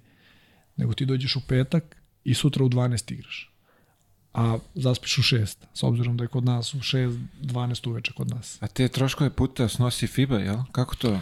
Pa u principu imaš određen budžet, da kažemo sad se mi nadamo da će malo povećati jer su karte otišle baš gore, ali u principu pokriveno ti uvek bar 80%. Tako da je to okej. Okay. To je malo da to iz svog džepa. Da. da. A, a da nekad se, dešava, da... nekad se dešava, opet to pričam. Ranije smo mi imali to igramo Kinu gde možda nađeš jeftinu kartu preko korona i svega ima ti ostane. Tako da u principu bude to... Znači vama treba jedna dobra ovaj, agencija za te karte. Imamo, nama je i sponsor, Planeter, i ona koju sam na početku spominjao, se ona time bavi, ona je tu, pomaže nam dosta, s njom imamo taj neki dogovor, tako da u principu i što se toga tiče, i tu smo pokriveni dosta znači, dobro. Či još malo da se potrudi i bit će bolje. Šta još, de, kakvi sponzori još to treba? Treba za patike, jel tako? To, to se guli redovno. A može neki Nike nešto, Jordan. Pa ajde, gledamo, još raznih ovde, ovaj, što bi se reklo, slojeva društva gleda ovo, pa možda neko vidi ovaj priliku da... Sad pitanje samo da li će vam dozvoliti da lepite ovaj sponzor. Patike da. možeš, patike možeš. Pošalji Jordanu ovaj snimak pa da imaš takav. Znači, ima, čekaj, nemam, ovaj nije više na radi za Jordan Pa iskreno ti kažem, ali pokušavali smo mi na sto strana, ali evo sad moram da spomenem Dunk Shop, e, dogovorili smo se s njima da nam daju po, po dva para patika, da nam daju neku opremu, onu njivera, mislim da se tako zove oprema, da nam daju lopte, da nam daju neku opremu McDavid, tako da sad to treba do nove godine da već su nam dali pre jedno mesec i po dana su nam dali opremu i Baki uzo patike i treba da odemo i mi da uzemo patike i, pa, i opremu. Tako ne, da generalno se dešava, to što je kažem. Stvarno mislim da je napredovalo, znam i njihovih priča koliko je ranije bilo baš teško. Oni pričaju da nisu imali šanse nikako. A sad u principu stvarno ide sve bolje i bolje i mnogo je isprećenije, stvarno bar negdje iz mog ugla, sad ne mogu da pričam ja 100%, ali čini mi se i po njihovim pričama da je opet ide baš u uzlaznu putanju. A drugi je kad je bio ovde pričao da oni su nešto krpili da skupe za, za da odu da, da reče do Kraljeva, ne znam gde su išli prvi taj kupili neku kintu čisto da odu tamo u Zagoriva šta je bilo. Pa opet ja sad pa glupa priča, mi smo te, te godine, ajde kažemo, kad smo mi počinjali, tad je Novi Sad i Liman igrali. Već su igrali i oni u principu to po Srbiji ne igraju. I sad mi ono da bi išli u Francusku na turnir, odemo u Kladovo, odigramo turnir, uzmemo 100-120 hiljada, odemo u Požec, uzmemo 100-120 hiljada i imamo za karte za Francusku. Bukvalno smo tako te početke radili, ono kad smo počinjali, ideš u Bosnu, tako neki turnirčiće da bi zaradio budžet za da bi išao na challenge. Početak challenger. je težak, da, da. ali dobro je. Ja se sećam sa Novim Sadom 2014. kad sam počeo igram sa njima, idemo na Moskov Open i to je ono, vade se svi, vade pare iz džepa da vidimo kol, koliko ima za karte, fali nam pare za dve karte i on to je, zoveš aj kladionicu, hoće da budete spoznan kupiti jednu kartu za Moskvu. Može, ne može, zoveš privatnika, ne hoćem da kupiš kartu za Moskvu. I na kraju smo posljednju kartu, ja mislim, pozajmili pare i onda ako uzmemo tamo, vraćamo pare za kartu koju smo pozajmili. Tako je bilo da... kamate? Nije. Nije, nije. nije da. to, je dobro. to je onda ovaj već druga, drugarsko pozivljivanje. A vidi, bar kroz njegovu priču što sam čuo, ono kako su krenuli, koja to muka bila, drži, ne daj, baš je, pogotovo mlad sport, ne zna se ništa, nisi kao budeš sponsor ba, basketa. Kome šta? To je onako, ali dobro je, kad, kad ti, sad se to onako malo proširilo, ja i dalje mislim da nije dobro propraćeno ovde kod nas, iako smo mi, pa ne mi, vi u stvari, ovaj, to što jeste i sve te bodove što nosite, mislim da to treba malo više da se ovaj pogura, da se isprati, pomogne. Pa i generalno u tim nekim azijskim zemljama, da kažemo, tamo ljudi baš vole. I sad verovatno njima je to ono zabava koja kratko traje, imaju vremena da pogledaju, da dođu i tamo u principu ljudi, čini mi se, dosta više prate nego ovde. Sad lupam, ti odeš na te Filipine, to je krcato. Filip... Koliko ljudi, na, Filipinci su ono baš manijaci za, za basket. Da. U stvari za košarku, ne znam za basket. Sad ove godine je bila korona i to pa je bilo malo slabije, ali ne znam kad su oni igrali prošle, pretprošle godine. Bio je neki mol, ono na 5-6 pratova, to je sve bilo puno. Oni sa šestog sprasta. 2015. Da. To. da, molu, puno. Ne možda izađeš sa terena posle. Da. A imam utisak da niko nas ni ne poznaje, nego videli igramo basket, usvojili turniri, kao, ajde autogrami. Zadno da smo pitali ko, ko smo mi. Ajde. Ok. Znaš, da. slika i to i ne možeš da iđeš, nismo mogli da iz mola da iđemo jedno sat i po vremena. Ali Oni su manijaci za to, ja ne znam mm. koliko, o, verovatno bolje znate, mm. pratili ste, ali uh, dole po ovom što kažeš ti, pošto većina Filipinaca je ono, je vam radna snaga za zarape, matori. Znaš, oni rentaju termine, čovječe, znaš koliko ih dođe na taj, oni, ali pet na 5 igraju. Ligu svoju imaju. To je pa, ekipe, to sve imena, dresovi, sve u fulu. Ima jedna smješna situacija, mi smo bili na, u Abu Dhabiju 15. 16. po jedno mesec dana, imali smo sponzora tu u Alvagdu i Filipinac je radio u hotelu, imao oko 1,85 m i on mene kao, ej, kao koju poziciju igraš? Ja kao krilo, trojku, kao šuter. U, kao stvarno. Ja kao šta ti igraš? centar. to je to. A da, da, bukvalno da. oni su, znaš, ono... Na, na, tim terenima što kažeš 5 na 5 se samo Filipinci na 5 na 5. Ili to, na turnirima Mongolci i Filipinci. Kad oni igraju ti znaš da je to krcato. Da. To de god, ja ne znam gde treba da se igra da ne bude 200 Filipinaca ili 200 Mongolaca na turniru ako oni učestvuju. To je pola tribina njihova. Ali ima ih po tim zemljama, mnogo, znaš, mno, kao radna da, snaga da. su, ali zaluđenici su za, za košarku. Kaže ti bre, oni su dole u, u Bahreinu imaju svoju ligu, Filipinska liga, koja ono, samo oni to organizuju kako već. I znaju, oni igraju, cepaju to. Fulu, bre, fulu svi, Moram da oprema, da ispričam, sve. Da ispričam još jednu samo scenu.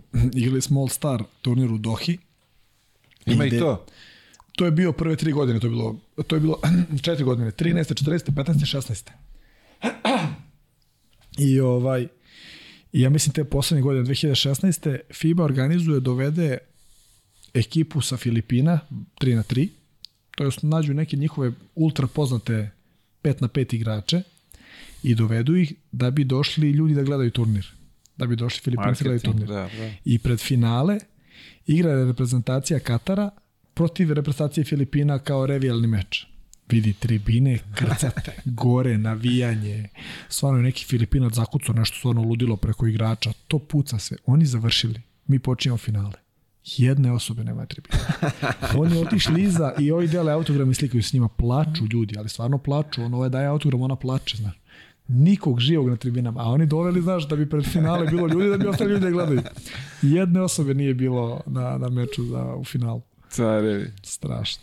Stari, ali viš, do, dobar marketing, ali ne, pro, zajebali su negde, loše su, loše su proračunali. su prvo finale, pa onda da. realni meč. A ne, oni su stvarno, što se toga tiče, to su takvi fanatici, bože sačuje, ti ne možeš da veruješ. Ali to što kažeš, 180 centa, teški. Da, da. Ali pikaj, bre, nemaš je šut. Pa sad ima te neki mali, najbolji potez godine što mene bacio na dupe. Uvatio me Filipinac, bacica dve kroz nogi iza leđa, finta, ja na dupe, on dade ga. Čekaj, se i za to dobio i ovaj bodovi. Pa, verovatno. Zato je Stral imao puno bodova ove godine, kada je seo na dupe, dobio masu. potez godine. A da. A gde je bilo to? Uh, u Manili. U Manili, Manili pa, kuć. Na domaćem terenu. Na domaćem terenu. Eksplodirao, eksplodirao tržnica. Bukvalno. Pa da. A, Mi mi što igramo ja, odbranu da i padnemo po nekaj. Neće sam da kaže, bio je povređen taj turnir, tako da nije da... Mi što igramo odbranu nekad i kiksnemo. Ne može ona padne kad ni ne pokušava da A on je igrao, samo pripaljuje. Joj, brate. Samo da. pripaljuje. Aj, možeš je ono ispizditi nekako, aj prijatelj dodaj neku loptu. Pa to je baš tog... često, to je baš često. To si pogrešio. Baš često se to dešava, ali navikli smo. Znaš šta je desi kod njega? Ne daj Bože, ne, ne znaš da li ti je gore prvu da promaši ili da ubaci. Ako prvu promaši, sledeća ulazi sigurno, pa se to nastavlja, a ako prvu baci u ruci sam dodaj. tako da ti nada će još udnuti svoje. Joj, brate, ne bi verovao kad bi ti pustio par snimaka, šta je to? Znači, ali ja sam ne zajebam kad kažem 3 na 0. Baki Brankila ispod koša. A to je nemoguće, 3 na 0, brate, pošto ste svi ne, tu. Ajde, ajde, da. 2 na 0. Baki ispod koša, on je presekao na trojici. I samo trebamo da, da loptu sam, nema, svi na trojicu je. I da mu da, da on da, ti odmoriš, odigraš odbranu, on dribling, kucanje iza glave, onda bak ispod koša mora trči na njegovog, da bi on uzao ovog. Ma ne možeš da veriš šta se dešava. Ali pa vidiš, zato je onda... Evo, pitaj Brankovića kako budeš vidio. Samo ovako ispika, širi ruke. Ja vičem Brankovića, ne širi ruke, iznervirat ćeš ga, nemoj, pusti ga. Nek igra njegovo, nema veze, skinut ćemo mi u napadu, pa ćemo šutnuti mi koji. Koji bre napad, onda je kakav skok u napad. Dobro, da, rešava sve to je. Ona, aj dobro, vidiš, ono, sad, brzo je, te, ti onda, ja mislim, normalni basketaši, ono, naš, onaj normalni basket, to ne, nema blage veze s basketom. Ti, ti daš, ti ne ostaješ tu, ti odmah trčiš nazad. Da. Ma i to, i generalno sad opet pričamo, tu rigu, ja najviše ne volim da vidim. Oni su došli do tog stadijuma da on kad čutira 45, ovaj, pravi, ovaj već pravi poziciju za da skok na drugoj strani, jer kao najčešće se odbija tamo. Izraz matematika. Kak, ovaj igra izolaciju, ovaj te već gura da je skače, ovaj nini šutna. Pazi, on igra izolaciju i prvo krene na skok, pa onda šutne, bukvalno. ne smeš da se, da se podigneš stalno i onda kod taktika je, oni kad šutiraju, ne skači. Znači, oni kad šutu odmah građanje, pošto skinu 7 lopti u napadu, pošto šutnu 25 trojki po basketu i kad uđu u ruku, onda, onda te pocepaju, a promaše 10, oni 8 skinu u napadu i samo položi. To im je taktika. Haas. A vi kad uhvatite, vi mora iznesete, ali tako? U odbrani. Nema one naše ciganske da je odmah vratiš. U odbrani kad uhvatiš moraš da to. da izneseš. Malo pokušam da, da se uhodam, ovaj, još nisam savladao sva pravila. Možeš odigrati koji? Neka, hvala ja bi dole zido, ja bi vidiš, ja bi zido dole, ali imate neka pravila, ne mogu dugo ni da zido. Da, da, da, da, da, ima 3 da. sekunde. To, sad, to su ove godine uveli, na primjer. Hoće da ostane za, za, za sledeću. E, pa verujem doći. Hoće sigurno. Njima se to svidjelo, ubrzali su ga još malo za nijansu. Dešavalo se, pa lupam, taj Mongol. Mislim, pa štiti. stavi zida. i 8 sekundi i ugura. I nosi, ne? I nosi, brate, u zube i... Ali ima tamo neki visoki da, da se bave tim ono ekstremno visokih, tipa preko 20. Pa Dujko igrao jedno vreme. Dujko je, igra i sad za reprezentaciju Makedonije. Igraju. Dujko je neko najviše, kaže Generalno, sad. Generalno... Više sam na ne. malo profesionalnijem nivou. Ima taj jedan Litvanac, onako visok, i koji zna dole, on je onako nezgodan. Ko još ima? Pa nema, to je to. A pa oko 2.6, 2.7 najviše. Da Plafon, a. Pa ima ona iz, onaj Litvanac iz one Randuvariju se zove da. ekipa. On ima 2.15. Da, da, ima, ima ta jedan. 2.15 ima. Ja nisam igrao protiv njega nijedno. Problem je braniti. On ne može Ti da kad si, kad si mnogo velik, ti bi u principu lično igraš najviše bio u dropu. A da. onda nameštamo da mi lupam deki ili brakela da. dotrčavaju da. samo pop. I tu smo u principu odmah u prednosti. A dvojka puno skupa, duplo. Znaš, kad neko ubaci 3-4 dvojke, u problemu si veliko. A faktički, on može samo igra napad na to dole nešto, odbrana je pa da, tanko so. To je. Da, da, I to u odbrani, i to u napadu kad mu ne sviraju faul, promaši pa se i tu iznervira, a vamo primio dve dvojke i znaš. Već je. Ima, to je baš problem s tim dvojkama, ono, mi igramo dobro, on zakuca ono četiri puta, vo, mi osam zicara, oni tri trojke, osam šest, ono, mi ih pocepali. Da, da, da, ti mi 8 od 8 sve. dali, 8 od 8, oni od 8 napada dali 3 napada, 8 6. Tako da je ta trojka baš skupa. Čuti da nije 3 za 3, to je onda bilo bi veselo. Ali ovo što, što, ovo bre što sam e, skoro, to mi je Dugi isto objašnjavao. Kad uđete u, u one faulove, posle koliko, deseto, kad već ono kreće. Deseti Pa ti onda na, na, na, i u napa, pa ti na, može ti nagura ono šest pojena iz jednog da, napada. Da. To je bo, bo, da. bolesno. Da. To Jest. ti Dugi objašnjava, pošto on najbolje zna kako se dolazi od tog faula. Sad će se iznervirati 100%. Daj malo da da vidimo šta je. Pa on uglavnom dođe do to, dotera ekipu tog desnog faula, a on ne bije, ne vuče, svi njega biju, znaš, a on kad, kad vidiš ruke, ovako dva dresa drži u rukama. Ono. Pa, pazi ovo sad, e, ovako, kad već hvataš se za čovjeka. Je li istina da si mu pocepao usnu? Pocepao si ga tamo, kaže, krv lije na sve strane i ti naravno kulturno nastaviš, položiš i tražiš da se koš važi, a on leži u, u, u krvi. Jeste, ili on i ja, ja s dva drugara, on s dva drugara koja se ne bave sportom, znači on i ja jedan na jedan, iako si igra 3 na 3, 19, 19, Ja lepo na prodor, fino, a on je čačka od, od pozadi i ja slučajno ostavim lakat i pocepam mu jezik, ja mislim, ili usta. I položim i on pao, kao si dobro, ja rekao, važio od 29. za nas. Kad me nije zadavio. Dobro, ja sam taj, taj basket sam ostao bez dve majice, tako da je to to. Pošteno. A on, on bez, bez jezika, jezika i ja bez majice. Ali kaže, zamisli, on me raskrvario i još kaže, vrać, e, kao samo da znaš ko što se važi, kaže da se dobro. A nije to kad igraš protiv njega, moraš biti spreman na neko vačarenje. Voli to da zakine za poen dva, moraš mu proći svaki šut. Ne vredi. Voli da pobedi, takav je. To je dobro je. Pošteno brojim uglavnom. ne znam, nekako uvijek si protiv mene budu, znaš. Samo da ja izgubim. Čudno, brate, da. Toliko si dobar da si protiv tebe. Si protiv mene. Dobro, i ono što je interesantno, recimo, u šutu za dve godine nijedno ga nije pomenja na treningu. Pa Neće, ne vredi, demantujem priču, on će terati svoje, ja svoje. Vodi malo, ali tu smo. Daj da napravimo neki live, čoče Vanja, daj da obezbedimo, da ponesemo Znaš na rasetu, sve da ponesemo, da Pošto da vidimo to, da. Pamtim sve oko 172, 2 za mene. Zapisujem ja. Je, vodi beležnicu čovjek. Nisam siguran, ali ali 100% iz 172. A čekaj, kako to šutirate u nekom driblingu, trku, onaj spot, spot up šut, kako, kojim se ovaj šutem bojite? Pa ja metar dalje od trojke, on u trojci. Da bi bilo kao približno, realno. Ne šutiramo, sad, ne šutiramo više. Godine, svaki zato dan, što svaki dan smo se svađali. Smo se svađali i onda kad ja pobedim, onda nešto nije fair što on priča, neko je zakino. Neko je protinje, tebe uh, Ždero je rekao nešto njemu poremetio je kad je trebalo tako nešto i onda je stvarno bilo čarki malo više. I onda smo odlučili više ne šutiramo, tako da... Šta sad svako za sebe? Šta? Da. U različitim parovima. Ja s Bakijem, on s Brankelom i Baki ja sat i po treningu, oni 22 minuta i tako. Između A čekaj, to je 22 zato što pogađa čovjek, on završi to ne, sve ja Sam ga, ja sam ga, stvarno sam ga smarao, daj bre, ostani malo duže, šutni nešto, ne mogu, idem na kafu, ne mogu, dosta. I onda stvarno igra dobro cele godine. I sam viče, što ti pričaš, igram bolje od tebe. Pa i to što kažeš, ja sam... Znači, ali to je to, sam da smaram. To je ovo ovih što su kamenci, oni moraju duže da se posvete, da budu... Da strebaju. E, tako je, to dečko talenat, prirodno atraktivno, vidiš, skuplja poene. Tako da, posljednja tri meseca samo ćutim, nek radi što hoće, igra dobro i to je to. Pa, realno. Ne treba, Shvatio ne sam treba ga posle godinu i po dana. Ne treba kvariti hemiju.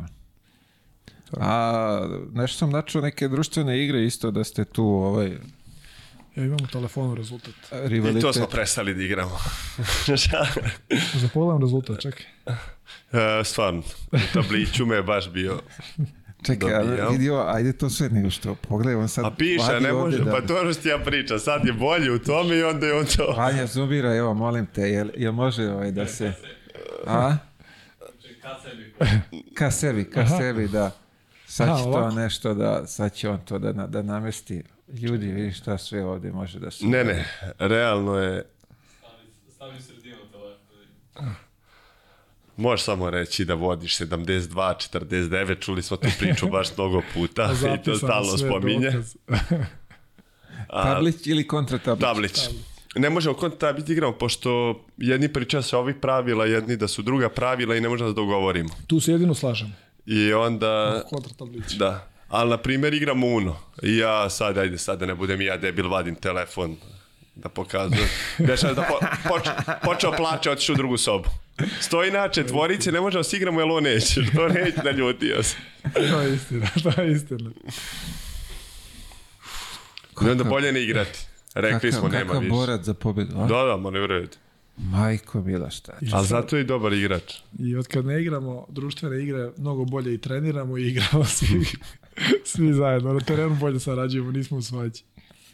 Pa treba to je, vidi, ja ovako isto volim da, da ne volim da izgubim, ajde, tako da kažem. Tako da sam ja Remi, Remi volim da igram i ovaj igrali smo jedno vreme dok sa rođenom ženom se ovaj, što bi se reklo, posvađao. Ispizdeo sam i od tad. Isto, ono, problem, ja. Neka hvala. Meni je jasno kako uvijek ima na primjer u tabliću 6-7 tabli. A ne da meni da pišem. Ja ne, sedam, ne postoji opcija da pišem kad igram. Ne prati. Či on drži banku, sve kod da. njega. Da. Ma ne prati igru. Prvo pravilo ja pišem. Pravila su klizna, znaš, po potrebi organizatora. pa vidi sad, e, toliko ste na putu, ti to putovanje zna da potraje, treba ga nekako, ovaj, što bi se reklo, potrošiti kvalitetno. Pa generalno ja mislim da sad stvarno ne preterujem, ali to Netflix i to... To je to. Sve što ono što su mi treba? preporučili nešto sam čuo da valja i odgledano. Sad do godine samo stavim da će za ova 4-5 meseci izaći dosta materijala da krenu opet da se gleda. To je ono avion, skineš, gledaš. Znači, Dođeš tamo, znači, skineš iz početka za nazad i tako. A nema, ne može offline, ne? Ma, može, može, Netflix može online, skineš epizode i onda u avionu gledaš. Pa bravo. Tako da je bar to dobro. Pa ništa, ne, mi, ćemo, mi snimamo svake nedelje, ne znam da znate, pa možete da, ovaj, da, da, da pratite da i gledate. Pa jest. Mi se ne može čak da se skida, ali tako? Kako to funkcionuje? Može preko Spotify to, audio verzija. Da. ako imaš YouTube premium, ti možeš Skineš i gledaš u avionu bez problema, pa to. To je isto dobra Ajde, stvar. Vidite da znate da, da, da dopunite, ovaj, ne znam, kako, kako će meni da ako gledaju avione, odakle će da se računa taj pregled? Iz koje zemlje, iznad koje zemlje su trenutno, znaš? znači, ja skidamo za povratak to više odgovara. Kad smo tamo, da stavimo skida. Pa-, pa... Bravo, bravo. I to gađa i to je skupe zemlje. Tamo je jače, tamo je jače klik iz Singapura. Nemojte ovde, ovde ne vredi. E, a vidio sad me jedna ovaj, zanimljivo da se malo mi vratimo kako ste vi ono odrastanje vaše i ovaj ljubav prema sportu, to jest košarci, fudbalu, basketu, odbojci. Pa e, ni, ništa, generalno. E, generalno, pa meni tata igrao košarku, Stefan bio dugo u košarci, ja od malena sam u tome u sportu. Sala. Ti bu, burazer pauk? Pa generalno jeste, ali ja sam više volao da igram futbal, iako nikad nisam znao. Ali sam se kao klinac složio, kao verovatno i 80% klinaca će biti futbaler. Dve leve noge. Bukvalno.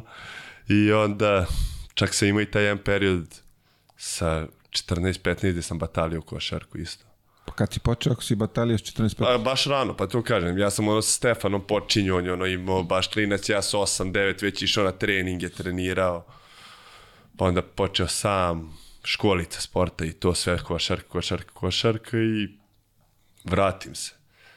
Tad igrom slučaja se desi da je taj Kisić trener, možda si ga uvotio negde, bio u Novom Sadu, košarkaškom klubu u Novi Sad. Bio, Dobro u onom radničkom iz Novog Sada bio i sve igra slučaj on me vrati u košarku on preuzeo tad ekipu aj vrati se i posle toga im bude opet Reruga i dobro tako da je to neka bila onako interesantna priča čekaj ono u Gajdobru i dalje vodi ne, tamo, ne. otišao je prošle godine sad je Luburić trener ove godine dobro guraju dobar i tim imaju baš malo smo se ovaj dotakli pre ovaj da.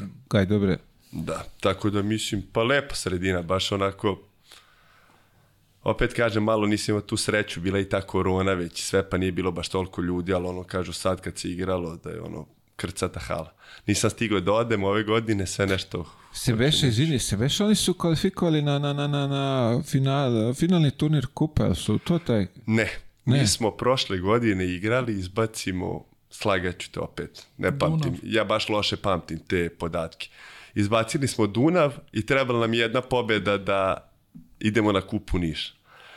I mi, na, proš, pretprošle godine to bilo. I mi na završnom turniru u Abu Dabiju i treba da igramo s OK Beogradom. I stole pomeri u tekmicu da bi mi stigli. Ja i Brankela su tad igrali za Gajdobru i pomeri u tekmicu da bi mi stigli.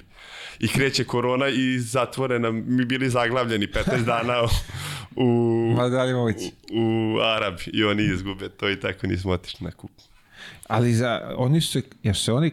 Nisu. Nis. Pre par godina, kad je bilo? Ko je, je bio neko Sveti Đorđe. Bra, bra, Sveti bra. Neko je, znam da je iz tog kraja. I nešto Borat Zemun isto mislim da je bio. Da, ali iz tog kraja. To su prošle godine. Kako, Borat Zemun iz tog kraja, o, ljudi tamo. A ne, ne, mislio sam da možda ti, bliže mislio tebi, sam te, tri, A sve je kraj Banova. Treća, četvrta liga i to, pa zato. To aha, aha, aha. A da čujemo tvoju priču.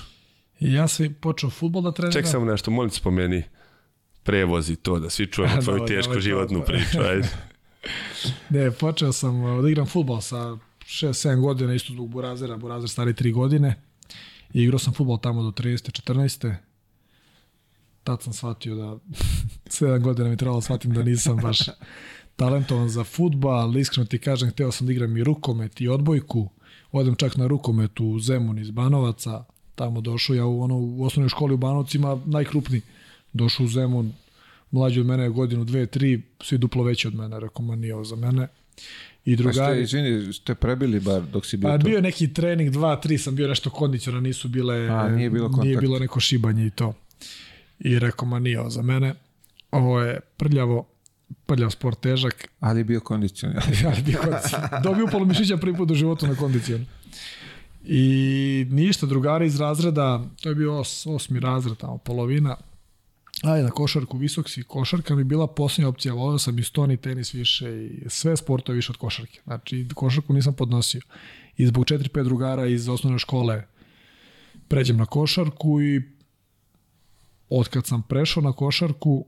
Koliko to godina kad si prešao? 14 godina. I... Što bi se reklo, relativno kasno. Mm, pa. I onako do negde, bukvalo ja do 18-19 godine recimo nisam šutnu trojku u životnoj utakmici. To su bili poeni između 1 i 3 poena. Promašim po 6 zicara po, po utakmici. Onako imao sam sreće, kao bio sam visok, nešto perspektivan. Pređem u Drvo Market, Drvo Market Zemu bio filijala Zvezde i pređem u Zvezdu kod Darka Rajakovića. I tu sam, ono, Ćalima i statistiku kući, to je od 0 do 2 poena sa svaka utakmica. No. Čekaj, a to je ovo kad ste izgubili od e, Mačana? Slušaj, to što je Mačan rekao, Mačan je pogrešio. to mora da ga ispravim. to sam gledao i to nije u redu s njegove strane. Ja nisam igrao za generaciju 89. godišnje koja je izgubila 66 razlika od FNP-a. Ja sam igrao za generaciju 88. godište koja je konstantno gubila 20 razlika od FNP-a i samo znam da, da, da, da se mi spremamo kao za FNP, ono finalni turnir, ne znam, treba finale s njima da igramo. Raduljica mačva na 4-5, ja igrao četvorku. Ma vidi jedan i drugi po 35, ali 20 razlike izgubimo, nika 66, tako da to...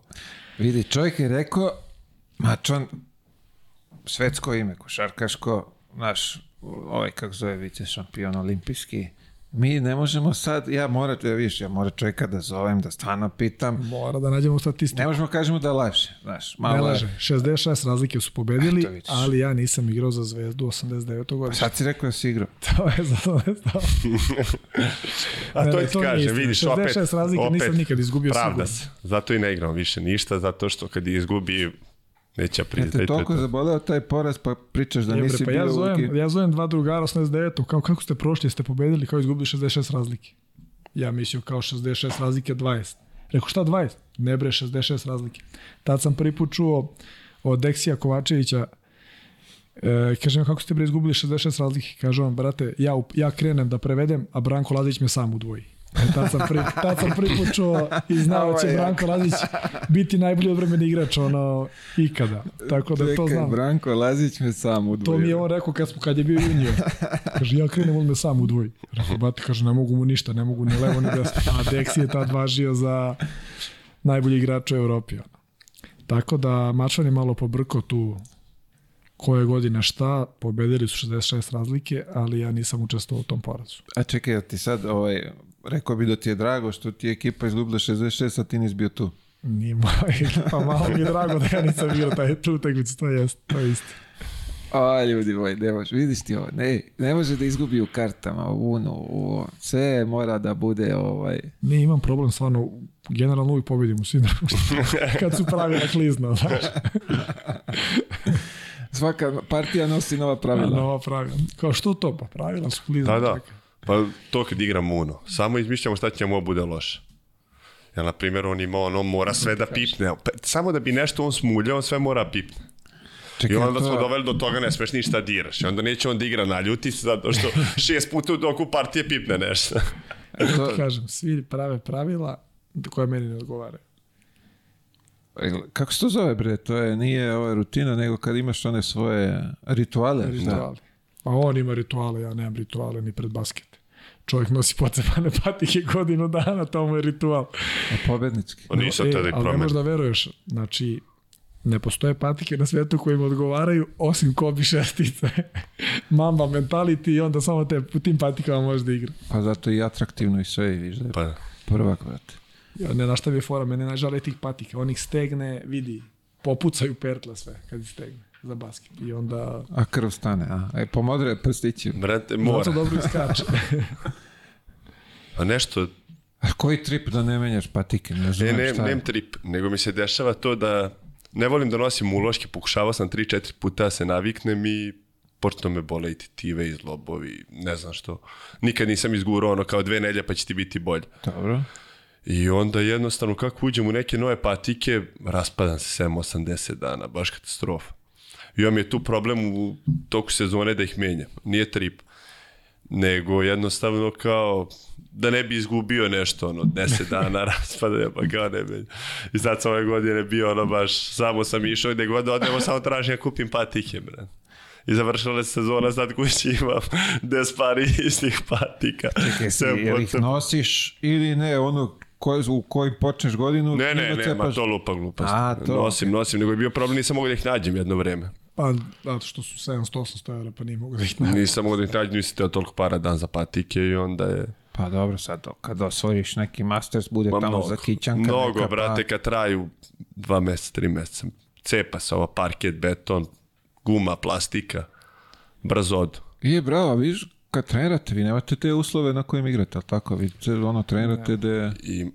Leti imamo, leti... pa zimi nemamo. Pa Leti imamo u principu, ono, 5, 6, 7 meseci imamo, ovo kad je kiša, sneg nemamo, ali generalno napolju imamo i to sad imamo dva terena. Tako da, pa ono... Da, sve gde trenirate? Gde, gde su ti trenirate? Na Keju, u Novom Sadu. Da. Aha, aha. Su ti napolju, a generalno treniramo zimi u, na Petrovaradinu u hali. Napravili su nam to lepo, to napolju, sad treba to malo sredi, to zadnje, ajde, dve, tri godine, bio je neki tu problem zgradom neko. Oni su nam sve napravili u principu, ali nije ono gradska i dalje parcela. Što bi se rekla, nema upotrebnu dozvolu. Da, protiv protiv poplavni deo područje i onda je bio problem, pošto odme ispod brane na keju. I onda to nešto je bilo, ali sad će izgleda da nam daju bar te kontejnere neki pa malo sredimo, ono da... Hoće, mnogo ljudi dolazi, hoće da gledaju stvarno, ono, mm -hmm. dešava da se, ono, igraju u Bliman, dođu neki holandjani, dođe, bude baš dobar basio, ono stvarno, Šta, ljudi stoji i gledaju. Čisto ovako, iz, što bi se rekla, pa, zajebancije, trening, pa nije da. zvanično ništa. Da, da, trening dođemo. Dosta ekipa dolazi tu kod nas u Novi Sad, da kažemo, i treniraju. Bra. Da. Tako da je to neka baš isto lepa priča koja traje već. Ta 3x3 pa akademija što su Ždero i Dača počeli, oni rade to u principu, dovode strane reprezentacije, na, ajde da kažemo, na obuku na mhm, neki mhm. trening kamp i onda smo mi tu isto malo da odigramo s njima, nama dobro dođe da malo promenimo s kim igramo. Bravo, bravo, bravo. A i njima ono, nauče nešto. Vi dođete pred tamburate ih oni srećni. Boga mi je na treningu baš i ne može niko da pobedi. Da. Sve baš. Dobri je. Pa dobri, nego... Ne on i ne neće, kaže odmah. Jako ga nervira da što se ja vučem na trenizima. Ne može da, da se potrči onda ne mogu ja, ja umoran sam, radio teretanu, juče radio teretanu, radi pola teretani, od kući. da Brat, evo poslaću ti snimak sutra, sutra ću ti poslati snimak, evo ako ja lažem, ti izbaci na Instagram da ti pokažem koliko kila prvak sveta radi rame. To sad radim dve kile. Da rame dve da kile. problema s ramenima. E, letenje s dve kile. To, to nikad nisi vidio u životu. To je za masu. Ema se, ema. Alo, brate, ramena. Rekao sam baki u Baki spremi se, sad radim ramena. Neću, neću te osetiti. Kaže, vidjet ćemo te pasuljčiće kad krenu u prodar. Nije ne, nešto. i budemo malo demotivisani nekad na treningu i dođemo nekad i teški, baš to, forma, ovo, ono, onda iz teretane dođeš težak i onda dođu pobjede na tri basketa 21-14. Ne možeš da ubacimo do koša. Ali dobro, to je sve sklopu treninga i sve normalno mi pokušavamo neke nove stvari i tako. Ja, e, to kad kažeš nove stvari, imate li neku taktiku, brate? Šta, šta, šta vi u stvari? Imate onaj pick and roll, pop i šta ima tu još? Evo, ja sad opet glupo za pričanje poradim futbal i basket. Ja, na primjer, nisam imao ideju dok sad do svetskog prvenstva koliko ti u futbalu u stvari imaš tih taktika. Ti misliš na pusti ovi na paljanče pa nek trči. Trči, ti vamo, ti vamo, ti si levi, ti desni vek trči. I ono, stvarno nisam, znao sam da ima daleko to, ali nisam da, da baš toliko ide do tog ludila sad. Kad sam gledao, ono gledam, onaj gospodin što je objašnjavao, zabole me glava. Iz trougla u trougu, u kvadrat, u pravogonik, menjaju se na dve sekunde, menjaju šta igraju.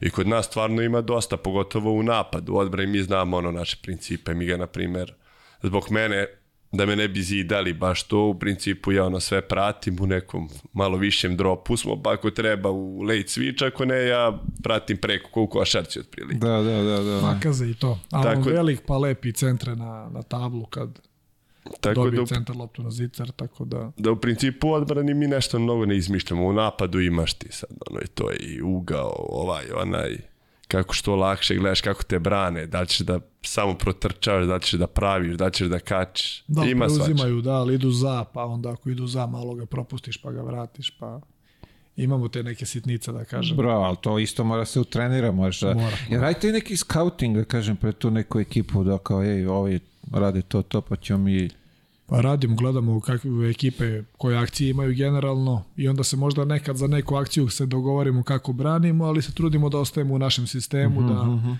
da ne pravimo problem. I to je to, gledamo šta ako neki njihov igrač igra jedan na jedan, šta uglavnom radi, skine se neki njegovi potezi, pa da li šutira iz leve, da li u prodor na u desno i tako dalje. Ono. Pogledamo svaki put scouting. E, primetio, sam, primetio sam da poprilično ovaj, uh aj kažemo, taj broj basketaša da ne znaju koriste obe ruke. Pa, brate, stvarno ima. Sad je glupo pričat, ali stvarno ne, se ima dešava. nekih i naših da. ovde, no. ovaj, trenirate, igrate s njima, bar ono što ja gledam, ono, normalno je kad si ispoziciran, ako da. ti čovjek to ne može desno, brate, treba levo da je, da. ali ovaj, to je onako tu nekako baš izraženo. Meni je, na primjer, to fascinantno, taj neki holandjanin, koji je meni baš dobar igrač. Ali čovjek baš ne može da uputi levom rukom. Mislim, ja ne znam da li je jednom položio levom rukom za tri godine na vrturu. A igra dobro, stvarno ima neverovatne te pogačice. Podsjeća malo što je Ljahu bacio dok je bio Makabi. To baca i sve pogađa. Ali na levo se nije okrenuo ni jednom, evo, dve I godine. I kad se okrenu na levom, desnom je baci i da zicar. Da ali levo Poluzica, I onda ti još više zaboli. Da, A ti ga kao usmeriš u levo. Bukvalno. Da, samo desno mu gledaš daš da okrene. I on u levo, u levo, da bude lata ti baci desno na drugi obruč. Da, jeste on baš, baš strikno desno. A ima, da. Mislim, generalno, Mislim, basket. ok, to je basket, da. kapira da. sve. Skoro so, gledao sam i vama isto 5 na 5 vidi, znam čoveka ja dok sam igrao, čak i radio, nisam ja nešto, bog zna sobe, ali samo malo ono, mogao sam koristiti i jednu i drugu, ali ovaj burazir, znači samo u desno, u desno i u desno i čovjek ode u desno i opet ga nekako iznese. No. Da. Ono otvoreno vamo, sve je otvoreno. Ne, ništa. Pa generalno mi mora budemo i realni, mislim, da u basketu su uglavnom igrači koji ne igraju ozbiljnu košarku generalno ne, ja sam prešao na basket zato što sam vidio da ne mogu da napravim ništa u karijeri 5 na 5, ok, možda je on mogao da ima lepu karijeru 5 na 5, nego nije bio baš normalan pre par godina dok igrao 5 na 5, pa ništa nije uradio. ovaj, I to je neki razlog zašto, ja mislim da što nema recimo Španaca i Francuza, zašto uopšte nema na turu. Naš Španac igra drugu ligu, ima dobru sigurnu platu i boli ga ovo što bi se on cimao da ide na turnire da bi zaradio neki dinar. Da, da. da Moraš da, da, da, da. uđeš među polufinal da bi osvojio. I onda to da se probiješ treba ti vjerojatno godinu dana i energije, verovatno i love da nađeš da bi samo putovao na turnire i da bi to sve izborio, pošto je u basketu najteže krenuti od nule sada. Kad dođu sad četiri, da dođu sad četiri igrača pet na pet, da imaju svi po nula bodova, znaš ti šta njima treba da bi oni izborili. Oni treba igraju turnir, ne znam, jedan turnir, Kup Srbije vodi na Challenger u Francuskoj i onda treba dođu da u finale Challenger u Francuskoj. A osvojiti Kup Srbije teže nego osvojiti neki Challenger. Ono, mislim. Tako da, generalno, niko od nas nije ništa posebno radio u košarci i onda smo svi tu prešli na basket i basket nam je i lego mnogo lepše. Mislim, ja znam da samo kad sam počeo košarku da igram, sam išao na teren na basket i osjećao sam se tamo mnogo lepše zato što sam imao potpunu slobodu da šutiram i trojke, pošto do 18 sam smeo da šutnem trojke. I meni je to bilo mnogo interesantnije. Stvarno sam provodio ceo dan, a sam igrao basket. I to ja sam tamo bio Jordan, znaš, uzem ja driblam, šutiram, a onda dođem vamo, pravim blokove i matim se dva put za loptom i to je to. To je to od mene. Ovamo tačno imaš kome smeš da daš kome loptu, kada da mu da. daš i skloni se da, da ne smetaš. Da, Stara ova da. naša da. taktika trenerska. Kad si zapravo bre, ovaj, ajde ti si 5 na 5 ima tu i karijeru i klubove. Ka, kad ste vi odlučili ono dok kažemo izađete iz te neke sigurne komforne zone kao pa da probamo nešto novo? Pa ja sam bio u Češkoj te dve godine i onda je bilo jedan period gde je ono došlo od toga, nema smisla više igrati za te neke pare, ili će biti nešto ili neće i igrom slučaja otvorim mi se dodem u Albaniju, u Drač. I tamo sam imao da kažem najveći ugovor u svojoj karijeri, bilo sve super. igrom slučaja bude onaj zemljotres. Sam je bio u Draču, tad sam bio tamo. I tad se tamo završi, prekine se prvenstvo, prekine se prvenstvo, bio baš skandal, vratimo se kući, tu je onda počelo, opet već je bio početak leta, počeli turnirčići, šta ću, kako ću i to je bio neki prerobni period, da li ću sad da ulazim u basket ili neću. I potrefi se tad da Tača Mijatović, Danilo Mijatović. Tako je.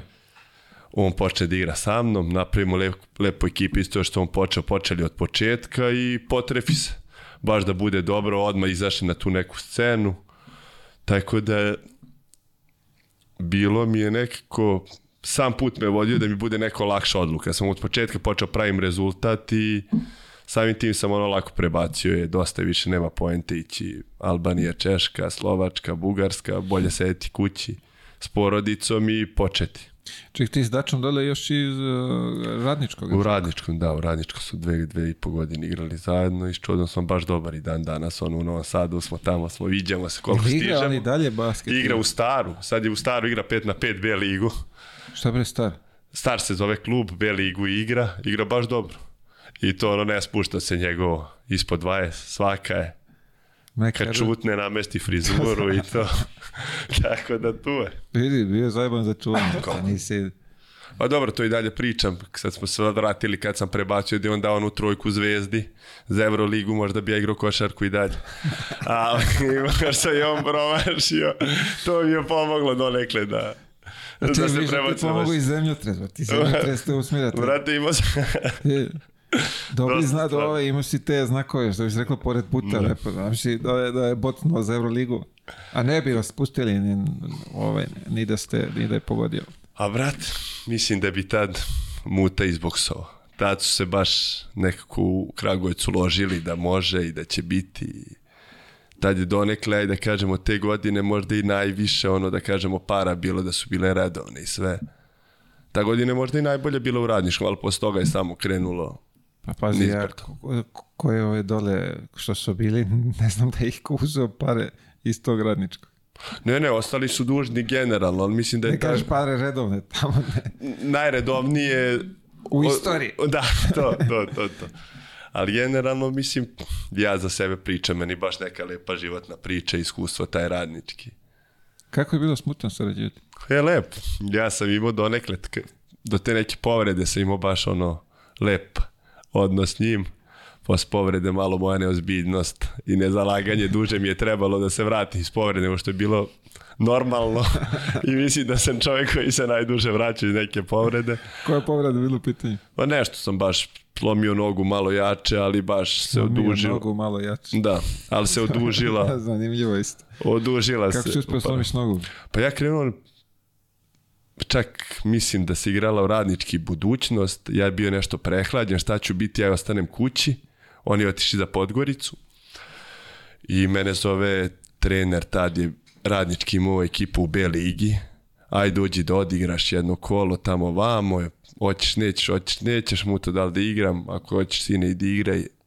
Ja ozdravio, nešto se dva, tri dana ranije putovalo i odem u petak na trening i na neki kontra, dva na jedan i ja na polaganje i doskoči mi jedan momak na nogu i baš ono pukne. Malo jače. Malo, jače. Nije otvoren predom, nije? Pa nije, ali ono pukla na više mesta. To je bila za i malo duži oporavci, da znači će operacija, da li neće, na kraju nije bila. Šipke, šrafovi? Ništa, ništa, ništa. ništa. Tako je, zato je možda i malo duže trebalo oporavak. Ali se vratio i da kucam u drvo, baš nikad ništa ono ostalo. Carski? Da. Ko je bio tad u, dole u Radničkom sve? Ko je to? Ko pa ja sam bio zahvatio? tri godine. Ja sam bio tri godine. Ti si ispratio ceo... Pa skoro sve ciklus. sam ispratio, pa da. Bio Miki Pavković, bio Steven Ćapin, koji je bio Dača, Rakić, Čaki, Birča. Da, pa si, pa svi su si bili. Si Kalinu dole posle, tako je? E, ka? Kalinu nisam uvatio. Te godine sam ja otišao u Smederevu na, na pozajmicu. Aha, aha. Te godine sam uvatio ja, te kad su došli Kalina i Jovke, Ja sam otišao za za Smederevo. Nisi bio dovoljno dobar za tu da. ekipu. Da. A bilo ih je, realno, ja bio klinac, trebao da igram, da si vraćao iz te povrede. Tačno da si ostao, možda se mogu biti u Barsi. Sad Kalina. Da. Kalina, da. Tačno, Kalina. Zbacio te zemljak, čovječ. Sad smo sreli, srete ga, mi na zvezdu, gledamo i on izlazi iz tunela, bio se zagreja, pa smo se malo ispričali. Pazi, ona, mi kad smo bili tamo u, u kako se zove, u Voši. Pa je onda i Burazer i, i, i Kalina tamo. Tad neko da mi je rekao da će Kalina postane igrač. Rekao, bre, prijatelju, nema šanse. A vrati moj to srce, uvek. Bio je baš isto, to je neka priča za Deju Lud, za tim pobedom i za to na glavu, gde hoćeš. Ali dobro, stvarno svaka mu čast da ono čovjek, mislim, Ne, ali dakle, on ti je... Šta napravio, to je nevjerovatno. Ne, ne, svaka čast ga kapu, bre, nek ti kažem u tom momentu, ja dolazim tamo, brate, čovjek, ono, sam protiv svih... Uh, svoju priču. Tako je, svoju priču, ono, sećam se, dolazim. da, bolje da si na trening, brate, ono kaciga, brate, ocrtana. S motorom nekim došao, pa evo ovaj krenuo nešto da ga pegla. Ma, to je haos. Prijavljivo se prošle godine igrao s nama. E, reče, da, du, dugi je priča, da. Šta je rekao? Kako je rekao? Že onaj Kalina mogao da bude ozbiljan igrač na tri. Lego bi nam Kalina. To, to, samo da batali ugovor s Barcama i kao dođe da igra 3 na 3. Podleće mi nešto dobro. Dobro druženje. Pa vidi, kapiram da je ono, bez tog druženja verovatno ne bi, ne bi pola stvari ih, ono. Ma baš smo se, baš smo da, se razumeli, spojili smo se, ono, što kažemo, nema taj pritisak u principu znaš svi imate isti cilj, tako i zavisiš baš samo od sebe. Vamo je miga u košarci, imaš malo trenera, da kažemo nekom ozbiljnom nivou to da on upravlja izmenama i to, ovo ti igraš, znaš da si sam I na imate trenera. A imamo, ali ti u principu... Drugačije.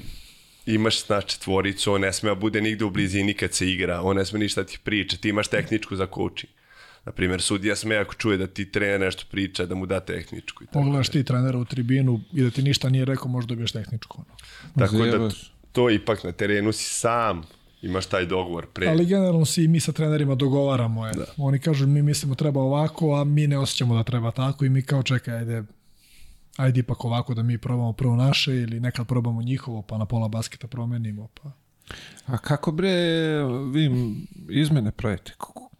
To ima neki redosled kako izlazi. e, stani, napad, mogu ja ovde izlazi. Šutne, čekaj, završi. da, sam da, tačno. Imamo napad, strale, šutne, prekid, on je, ja, ja, ja, ja, ja, ja, umorio se, šutno. Mi odbranimo prekid, deksa, ajde ja izađem, e, uđe on, šutne, ja, ja, ja, ja, ja, crko sam baš, šutno, baš. bilo je sad u Rijadu, da je bilo u Rijadu. U Rijadu ja izašao tri put, igrao 25 sekundi ja, prošlo, ja četiri poena i dva put izmena. Alo, ja mislim da je to okej. Okay. Pazi, u Rijadu u četvrtfinalu šta je on uradio protiv Antwerpena stvarno neverovatno. Dao je ono 12-13 poena, sam pobedio basket. Dobro, nije sam Baki isto bio tu, Brankela se nije pojavio, ni ja se nisam pojavio, ali period od, ne znam, 2-3 minuta. On je izašao pet puta iz igre na napad, u odbranu izađe napolje, pa uđe. On, on uđe, on uđe da koš. Rukomet fazan. On uđe da koš, izađe. Uđe da koš, izađe. A kako uđe da stigneš da kad je leteće? Pa deš, napravio se tako da svaki napad bude prekid. Da aha, da on aha. završi lopta odskakuće u aut i oni moraju od ozgo da krenu. Sudija svira prekid aha. i on samo ja, ja, ja, ja, crko sam. Ja gledam kako crko, čovjek zakucu četiri puta, ono, za redom. Šta je crko? I mi posle gledamo snima. Kad smo mi počeli da se smijemo, oni ja zajedno.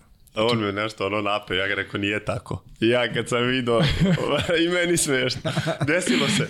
Izašao sam, odigrao napad, time out, ja ostao na klupi. Da.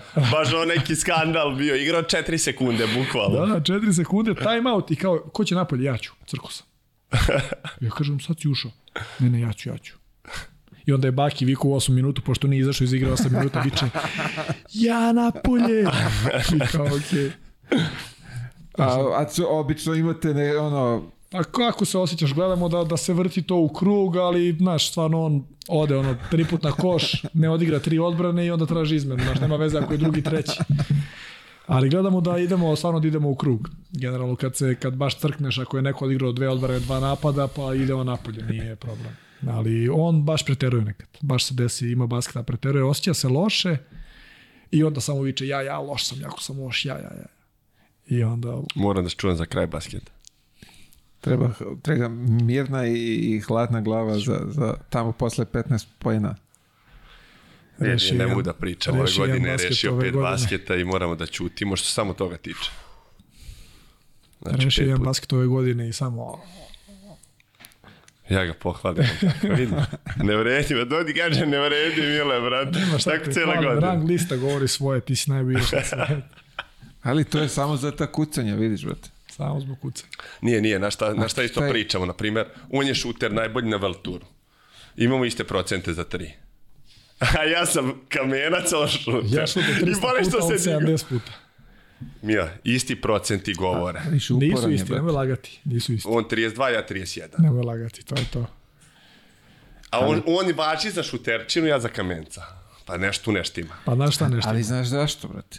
Zato što ne odustaje. Da. da. Viš, ako je da šutno 300 puta, on je ubedio i vas i, i ove naturu i ljude iz Vibe da je najbolji. Be. Slušaj, što e, to, pa nije šuter pogaljaš, ja sam šuter, razumeš? Nego, na šta, na šta isto, od tih 300 šutera moj, jedno 80 sam dobio u posljednjoj sekundi od gospodina i bacu polu horog iz auta. Uvode ti kosku, a kamenac. Konstantno valju kosku. A njemu idu ispod i on šutira trojke tako što se namesti, kao ima 31%. Čestitam ti. To je mutino. A koliko... To je mutino. Sine, kad ti se povuku, ti ubaci, kad ti priđe, ti ih obići. Ako te, da sad... ako te fauliraju su pa penalne mase. Ne, ne, on kad ubaci na početku jednu, dve, onda, onda daje 19 pojena. Ne postoji opcija onda da ga čuva. Koliko tu, koliko ste, ja kažemo, na tim basketima, koliko daš maksimalu? Ko je, šta je u stvari tu kad daš nešto, wow? Koga 2015. deki u pena. o, 2014. Ima dve, tri 15 priče. Amer ima u smini finala, to nema veze. Nego 15? Od 19. Ima dve, tri priče koje sam ja čuo već na 200. Šta je bilo u Penangu? 58 pojena na turniru, u 5 Penangu basket. U Penangu rekord turnira. Pošto smo igrali s trojicom, pa sam morao malo više da šutiram i osvojimo turnir i postavim rekord turnira. Ali ove godine Strahinja dao najviše pojena. Nije, se, realno pa ne, kad daš de, 11, kad daš 12, 10, 13, top. to je onako baš 10 pojena kad daš, to, to. je top. Ti si bre u finalu svetskog dao 12. Da. 12, 13. Zavisi kažem, to je ono, ipak kako se otvori. Mnogo je skup, kubaciš te i trojke, to je šest, šutneš neki penal. A pa dao si protiv Beograda u Pragu jedno 15. Da, imao sam njima sam dao. 14 pojena dao Beogradu u Pragu. 5 trojke mislim sam dao ili on šest. generalno igrao najbolje finala ove godine, a do finala borba. E, znaš šta te Mile, frk. ove godine četiri puta sam bio MVP i dva puta kad sam trebao on mi uzme titul. Nisam dva put proda finala da ja ne budem. ne mogu to da podnesam, ne mogu da živim s tim. pa kao moja. Čovječe, dobro ste vi uopšte ovaj, Prvi na svetu kad je ovako e, bušenje u ekipi. Da, na šta mi iskreno, na, ne, sam mi baš drago recimo što je Branković bio MVP finalnog World samo da nije on. ovaj, ali, ali isto tako, ali isto tako, stvarno, Baki i Brankela ono rade toliko prljav posao da je Brankeli stvarno svaka čast da je bio MVP, pošto je jako teško na toj poziciji da se uzme MVP nagrada, da oni prave blokove, skaču napadu, borba, tuča, a on i ja malo loptu, pa malo šutić, jedan na obruču, pa ih ne vidimo po šest puta po basketu na zicaru. Ja što ne znam da dodam, on što ne vidi. I onda stvarno, znaš, malo nekad bude i nerealno da jedan od njih dvojice ne bude nikad MVP, s obzirom da stvarno rade brutalan posao i možda su čak i statistički bolji od nas, ali jednostavno zbog poena ne mogu da, da izađu u prvi plan. Evo, vidiš, sad, znaš šta ne, podsjeti me ovo na, na jednog naših tipa, što je ovaj, kad stignu bonusi, znaš, posle utakmice, dođe ovaj gazda koji već donese i on uzme i, e, i on delimo kako on misli po zaslugama, koliko kome treba, brate. Da. Tako rekao i kod vas ovde, brate. Morate malo to da, da podelite. Da ne bi znao šta ću s parama, Milan. Jel tako? Ili ne bi ni dobio, brate. Pa, pre će biti da je to. A zamisli, Matori, da si malo bolji šuter, da nisi toliki kamenac, kako bi? Pa ja bi igrao Euroligu 100%. To je ko Bullet kad je rekao, ali tako beše, za Šta? Jenkinsa, za koga je bilo? Za da je, Jenkins. Da, Dajte mi Jovića za pleja i platu koju ima Jenkins i davaću 20 svako. Vidi, ali nije ovaj na, našla se, na, nije što bi se rekla, ovaj, dobije pozitivne. A svaka reklama je dobra kritike, reklama, da. tako da... Tad je on iz, u orbitu se ovaj, posla. Sećam se ja uputno sa Rašom Nesterovićem negde i bili smo u Švajcarskoj u Ženevi i sedimo i on kaže šta Bulut kao piše, hoću ti kažem da je došao i do Raše ta izjava, znaš, ono da je pola Evrope vjerojatno čulo izjavu da... A to viš, dobar marketing. Dobar marketing, naravno. bolje šutira trojke. Evo, piše. Opa, idemo. Da, ček, ček. Kako je ovo ozbiljan studio, pogledajte šta ovdje 32, sve 30%, posto, a si slago to, za 1%. To, to, E, to ti kažem, uvek o, o, za 1% ukrade On minimum. ima 2% više, a on je šuter a gledam... Mile, pa ti reci, ti si igrao košarku. Mislim, je jel to za šutera i kamenca razlika koja treba bude? Čekaj bre, ja gledam isto... Ja brojke. prvi, on drugi, skroz desno, skroz desno. Dva, dva, dva puta, da, ti da, ja gledam na trojke. A više. Čekaj bre, pa... Gledaj ti koliko on šuta više šuteva od mene, ovo je nemoguće. Onda uđeš za jedan. Antanković, brate, bolje od vas. Pa to i kaže. A kad stoji samo sam. ja. na njega niko ne izlazi. Pa niko ne izlazi od dvojica, na nas dvojici mi to jo. E, Čekaj, ukupno 151, 216 si pripalio. Pa 216. Ljudi moji. 60 više. Pa, da, logično je da, ovaj, da je na prvom mjestu. Sve radi po glavu. Vidi. Pa što ta gdje su, gdje su skokovi? Nema skokova. E, ima dalje. Nego nije. Ne znam ovo za ovaj, da, ne znam da čitam ovo za 3 na 3. Evo ti, to, ti, ovaj- to su ti highlight pa poene, vidiš highlight Val, poene. Pa, šta što je donose... D5 je kao e, to double-double. Aha, double a, pet. A, a, t, triple pet, pa ne. Znate, ja igram all the nema ovaj, ovaj skoku, bre. a šta je T5? Triple pet, kao. Tu te tek nema, A tu sam, brate, vidi daleko ja. Pa nema, što ne može da skočim, što ne dodaje. Mislim, ne možeš ne može da stigne. Brate, daj pogledamo neki basket, samo da i šta radi čovjek.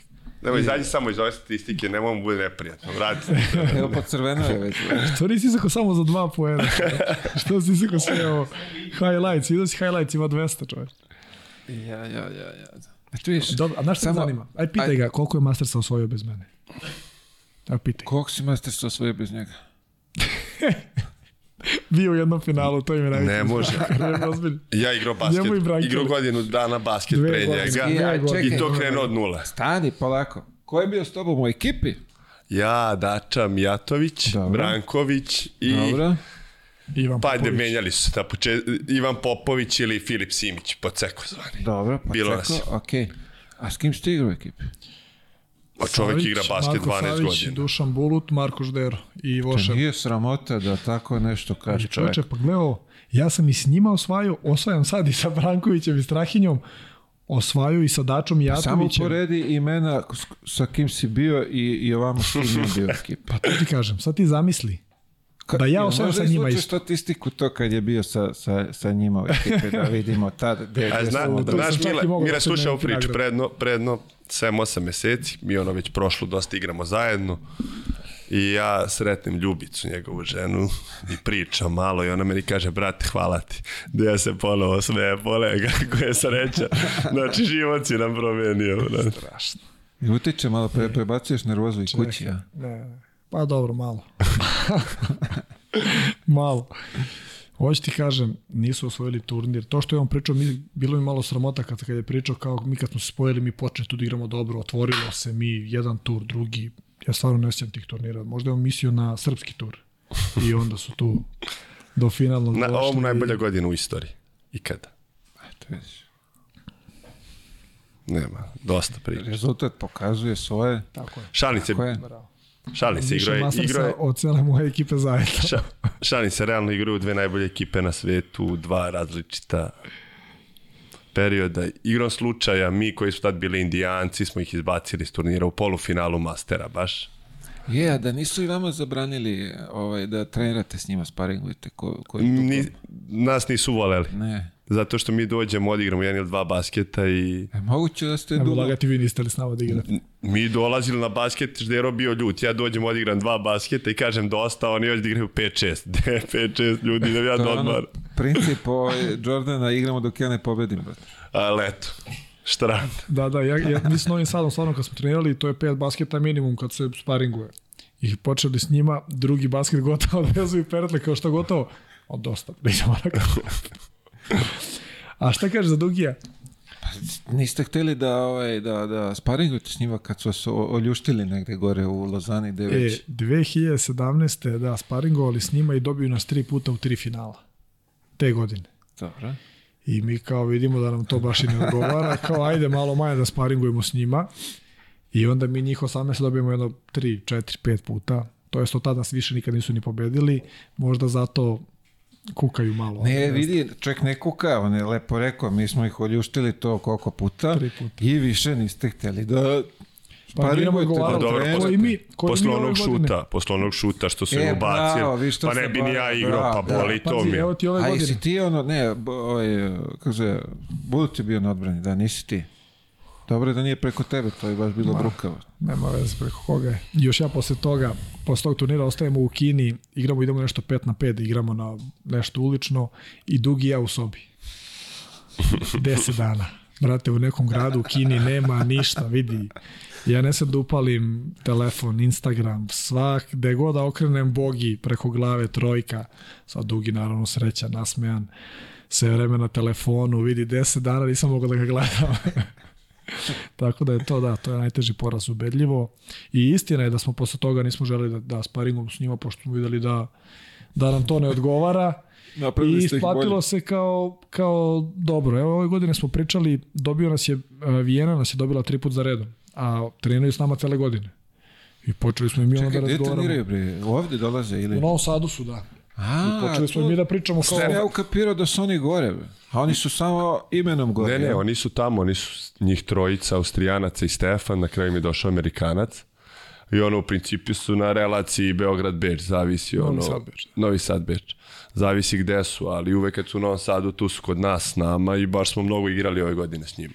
I stvarno jedan period došao, ne može da ih pobedi. Ni na treningu, ni na... Tri put su nas dobili na, na turu, ono za redom. Jedina ekipa koja ima pozitivan skor s nama ove godine. Amatori, pa jo, finale I, je bilo... I smanjili smo malo sparing i onda smo ih u finalu dobili. To je dva poslednja, Rijad i, da. i Abu Dhabi. I treći smo trebali da ih dobijemo, baš smo bili blizu. 16-11 za nas, pa Deja prešao, promenio da, da, da. dres. Napravio pametan faul na kraju. Jesi nekad vidio da samo ne daš dvojku i kao ne damo da nam šutnu dvojku i ona prefal za dva bacanja? Ali nisam će ovaj dati, ja mislim da sam neki dan Zvezda je ovaj isto, ne da, nije dala trojku i dobila je trojku. Trojku za auta, da, da, sam se iznervirao. dešava se. Šteta. A čekaj, a moguće da toliko sparingu ovaj... E, šta, vide ono gde su greške? Ne, na, primjer, na treningu uđu. izgubiš realno tri puta od njih, šta nije problem i onda verovatno, mislim, takav neki osjećaj imam, vidi ta Vijena da možda nas dobije svaki basket. Mi smo ih prošle godine pošto imaju neke nagrade za najbrži basket na turniru. Mi smo tri puta sa Vijenom imali najbrži basket na turniru prošle godine. Za... Čekaj, nagrada za najbrži basket? Da. Šta to znači? Ono što pre ih oljuštiš? U pet minuta da. ih pobediš i to bude najbrži basket i dobiješ valjda 2000 dolara posle turnira. Šta je ekipa? I kažem ti, s Vijenom smo prošle godine dobijali ih 21-6, tri basketa za red. I ista ekipa njihova, dobro, došao je Stefan koji, ajde kažeš, bio povređen ta prva dva puta kad smo bili s njima, koji nije baš mogao da igra ono svoje dobili nas tri puta ove godine. Oljuštine. Pocepali nas. Pa to je to, ono, fazonno znaju, što bi se reklo, slabe tačke, znate, znaju kako igrati, ali non stop se zajedno. To ti ko na treningu, jo, ti znaš da će ovaj cross blok, preko bloka, Pravi. vama pa, tamo. Provalili, i... provalili straleta i samo viču raširi i on u jedno smeru, usmerava k obruču. To nikad žot nisam. Pa gled, sad, je rekao, ono... sad je rekao čovjek da je gledao finale, pa vidio šta su ti radili, pa verovatno, pa neće, pa šta radi? Primio si 16 u finalu. Mile Meleši više nego ti, brate. Mile Meleši više nego pa ti. Pa ti kreneš da pričaš ko ne igra odbranu, on gleda da. Domaćinska pa atmosfera. Pa domaćinska atmosfera, da i suđenje i sve. Da. Nije. A pa zato nas i nisu dobili, što nisu napadali njega basket. Nego su mene napadali. Kakav je osjećaj bre ovaj, sa Burazirom u, u finalu? Baš tešak. Pričao sam to skoro. Znači ono, pred basket, kažem, tu do neki 20 minuta pred basket sam se baš bio opteretio. I onda je došlo neko kako kreće, valjda te euforije i sve, onda polako prolazi, prolazi, prolazi. I do sad prvi put ono da dok nije bilo to podbacivanje za loptu, nismo se javili jedan drugom. Znači ono, tu je bilo prvi put. A u stvari ja sam... vi ste tu, sve je to da, malo, da, da. na malom prostoru. A pa sve da. vreme su tu zajedno svi, ono, da, u lounge ono, pre, pred polufinala sedimo zajedno, ajde, zepa i srećno vidimo, sve to lepo, ali kad je došao taj trenutak, baš je ono bilo neko psihički teško. Je bio sad, znaš, jedan će igraš za svetskog prvaka klubskog, da kažeš, znaš da će jedan da osvoji, jedan neće i ono, tenzije. A u kući? Jel ima, je vuku? Da, Mogu ja da kažem, bio sam kod mame u stanu sa Strahinjom i mama ima samo Stefanove slike po, po zidu, kad je ono osvojio svetsko sa reprezentacijom, ono, Stef Karija kad je stavio u džep i to, rekao, gde je Strahinja? Da, nije ništa osvojio, rekao, ima jedna slika iz Požareca. Ali znaš mi je bilo smešno za, za braću? u Rijadu, igramo s njima polufinale i oni nas dobili do tada tri puta i izlazi Strahinja na zagrevanje, a Stefan već na zagrevanje ono zakucava, tamo ono prepaljen, kaže Strahinja, vidio ovo što se napalio, sad ću ga razvaliti. da, brat, tri puta. Ja, brat, smeka. Čekaj, tri puta u, u finalima? Ili... Ne, ne, ove godine tri puta nas izbacili iz turnira. Jednom u grupi, jednom u četvrtfinalu, jednom u polufinalu. Da. Pa boli. Mislim, svaki... A to polufinale u Koreji tu, da sam ja napravio taj pametan faul, je baš bolelo, pošto je bilo bitno da se plasiramo u taj Rijad. Nismo ga imali tad. Da, vi da ste da smo... otišli kroz Beograd u Rijad, da, da. tako? Malo težim putem je lepše. Pa dobro, od kuće, što bi se reklo. To sam i planirao. Ko je, ko je druga ekipa po, po tom rankingu sad kod vas? Kako se to gleda? E, Liman. Liman je druga. To su Vaske, da, da. Aleksa, koja i Mimi tu su i ode treća riga. Tako da to je otprilike, zadnjih par godina je da kažem, aj drži se taj vrh neki isti, 3, 4, 5 ekipa. Sad je Vijena treća. Evo, ove godine sad Treći. skočili na treće mesto. To je, ajde kažemo, neko ono iznenađenje ove godine da je Riga malo pala. Pa što je Lasmanis igrao ovaj Big 3 i onda ga nije bilo polu, pola sezone i oni su bez njega baš bili onako loši četvrt finala i to je maks. Ali godine će biti. Važi za onako jednog dobrog basketaša. Pa i oni, taj mi jezis iz, iz leto, dva ta iz, igrača iz Rige su onako napadački baš, baš dobri. Ono imaju i da napadnu i pa, da šutnu. Ja sam ovo gledao i... u galeriji, nisam nešto sad ja tu... Pa, mislim da se tu, se pa njima treba tri lopte za tu ekipu, znaš. Pa da, znaš, bukvalno, Treba da. Dušan da. ima loptu, treba Tomi, dole lopta, Lasmani s Navikon uzme vamo loptu, skine u odbrani u Rigi i iznese napolje igra 1 na 1 a vam opet malo pas, pas i onda on doda i možda mu se ne vrati to i to je po meni njegov najslabiji turnir da ga ja da se ikad gledao pa njega. Pa eto da viš, baš sam ja zapao na to. Da. I onda se on vratio vamo iz tog Big 3 u Rigu i mogu da kažem da su imali malo sreće, ili su dva mastersa za redom slaba da kažem, bez nas, bez Limana, bez Antwerpen igru na jedno, bez Vijene, i ta dva su osvojili, posle su dobili nas u Rijedu u finalu, tako da da je Lasmanis igrao celu sezonu, verujem da bi oni bili možda sada drugi na, na svetu. Pa do godine će da bude baš zanimljivo. Zato što ti ide ono, skupljanje bodova za olimpijadu. A i, i olimpijada ide kroz bodovanje. Da, Nebitno da. što je... 25 igrača iz Srbije skuplja bodove za našu zemlju. Opa. Da, i prve dve ili tri reprezentacije idu direktno na olimpijadu. Tri ili četiri. Da, ne. Zavisi. I sad je to borba, sad dogodine cvijet i ono, evo priča sa Fredet što igra za Makabi, on je napravio ekipu, poče da igra zamere. Ovaj Vorti, De Jong je počeo da igra. Biće, biće, do godina će biti baš dobro, jer svi će da jure to. Čekaj, misliš do godine ili ove? Ove, ove. Ove, okay, okay, ove godine okay. se računa, 1. decembra je presek. Ne, od 20. novembra do 20. novembra se računa za olimpijske igre. Znači, nama I sad u ti godinu dana. World sad kao u bodove. Bro. U ti godinu dana ko bude, koja federacija bude imala najviše bodova, ide A... na direktno na olimpijske igre. Francuzi biraju da li će žene ili muškarci direktno na olimpijskim igrama u basket 3 na 3 i mi verujemo da će da uzmu muškarce pošto će žene da se plasiraju. Aj, žene dobra. su bolje i onda će oni ako uzmu muškarce, onda tri ekipe iz mu, uh, muške idu direktno na olimpijske uh mhm, -huh, igre. Uh mhm. -huh a ako izaberu žensku reprezentaciju, onda četiri idu direktno.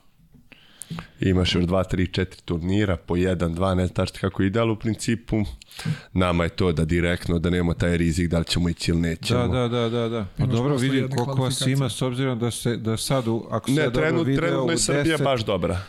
U smo prvi već 5 godina na toj ranglisti. Ali je problem što je ko tenis, tebi sad ono... Krip, Oduzimaju bodove. A? Da, da, braniš svaki kao tenis isto. Znači ti svaki turnir koji ideš braniš određen broj bodova. Tako da u principu... A ovi što su doneli nove ekipe, oni kreću od krompirova. Da. Oni osvajaju, da. da. da. Pa njima je sve jedno kad da, kreću. Da, da, da, da, da. To fora, to sad Fibi igra ulogu, sad taj Fredet napravio ekipu, e, veliko ime, da kažeš, igrao Euroligu, igrao NBA, verovatno.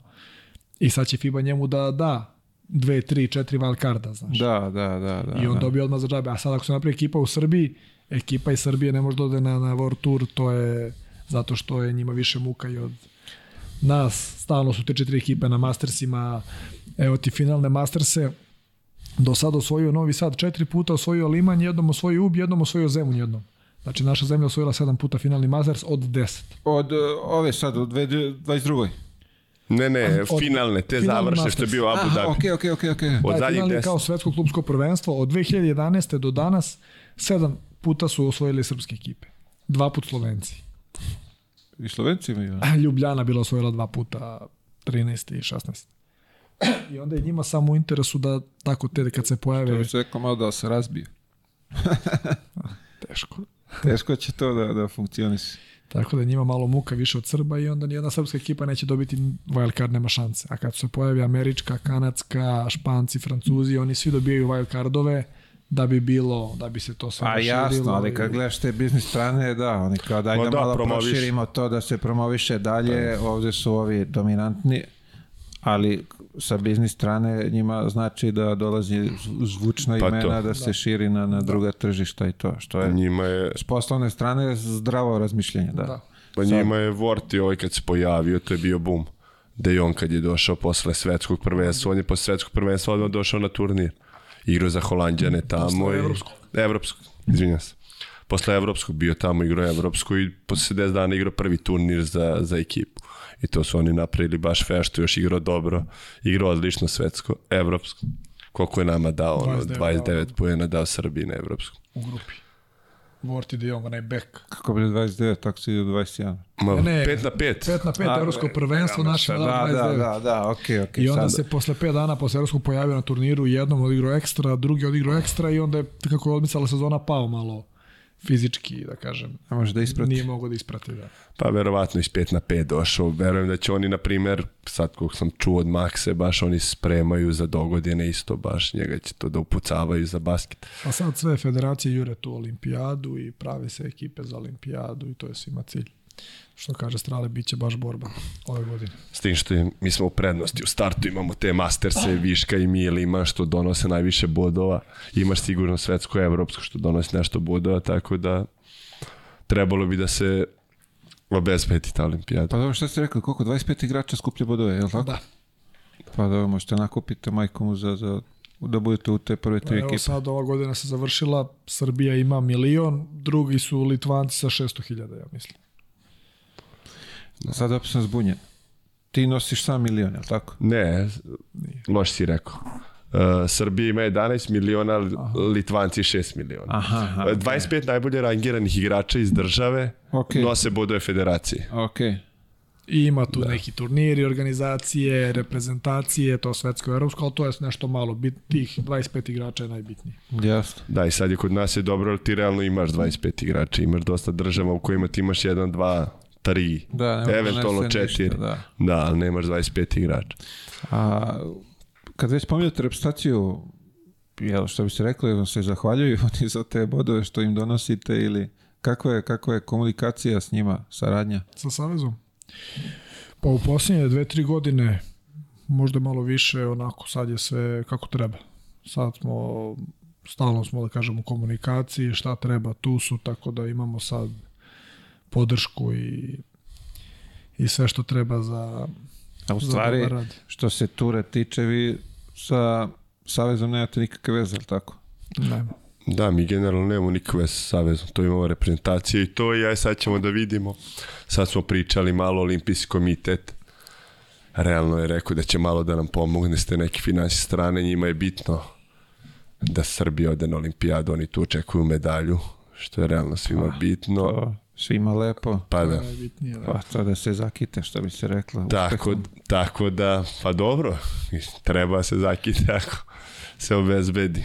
Samo treba doći do toga da, opet ponavljam, da mi budemo sigurni da ne moramo da igramo kvalifikacije, jer je to ono, opet... Jasno, da. Ne daj Bože. Pa dobro, nek Povredi. se malo, nek pomognu, vrati če. Sad ćemo da Ka, da vidimo. Kako drugačije, da ne bude ovaj... Pa vajda neće, ajde. Da, ne. ne, da ne malerišimo. Neće.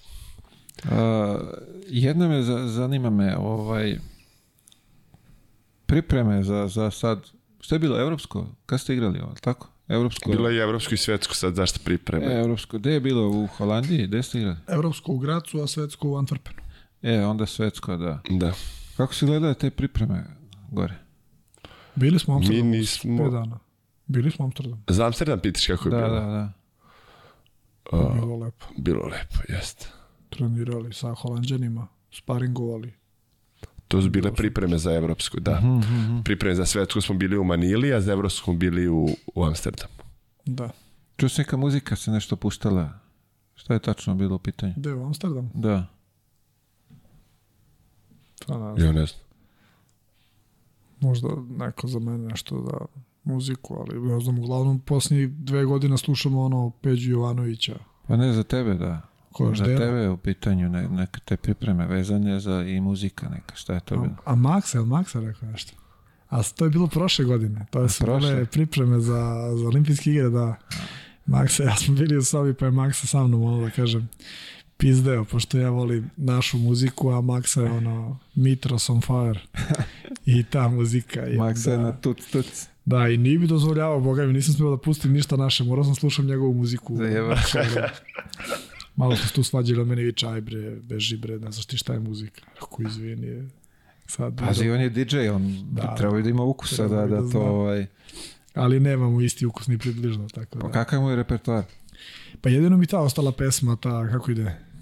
to Mitros on Fire. Kako je, aha. Da. Dobro, ne znam je ni ja da, li je popularno sada. I tam je bila dobra onako. To kažem, puštaj to, samo nemoj ovo tvoje tehno da mi, molim te, gruva po sobi i onda smo to slušali uglavnom. Bilo mu neprijatno kad smo otišli u grad, tamo svi fini, kockani. Mi se deramo, vrištimo. Nemojte. Dobro, Maksi. Ko je Maksi? Da, da, da Maksi. Došao s nama. Šminka, ono šulja, mi izašli, ja. A dobro, kako drugačije da se prepoznamo preko nego po... Pa, nego pa Ilja Maksić, deki, aj molim te reci malo. Da se malo smire, znaš, nije baš. Kaj bre, Makso bre, tebe sramota nas kući. A nije ne. A oh, majko, mila. A dobro ugostio vas lepo čovjek, očekuje da se lepo i ponaša. ne, redi s nama. Sad nas izbegao kad nas vidio na turiru, kao Makso, aj s nama napio. Ma jok. Idem s ovim mojim. A dobro, tamo je na platu, mora, mora, mora, se mora drugačije da se Ja s Maksom na turnirima baš mnogo družim, a toga pita razlog, zašto da baš družim na turnirima, da ne pričam ovdje. Zabranili mu sa igrači nešto, pa dolazi kod strana. Pa da, da se krije, kako dete, ono 15 godina. Da. Mama mi ne da vidi. a dobro, on je selektor, kako se zove. Da, da, ženski reprezentacija. Selektor je, to je sad ozbiljna funkcija, znaš, mora da, da pripazi. Kako se ponaša. A lepo se i on, i on se gore to lepo snašao. Bar, ekstra. Koliko sam ovaj provalio. Da. A super, da. Super, e, pa, a pazi ovo sad, kad pričamo o tome, iz te ekipe, uh, u stvari nisu iste ekipe, ali tako? Uh, budu ti gore otišao Big 3, uh, kako se zove bre, Savić je Kina, ali tako i on neki da. selektor tamo, da. da. Maksa gore, Burazer u, u, Beču. u, u Beču. Ima Drašković u Džedi.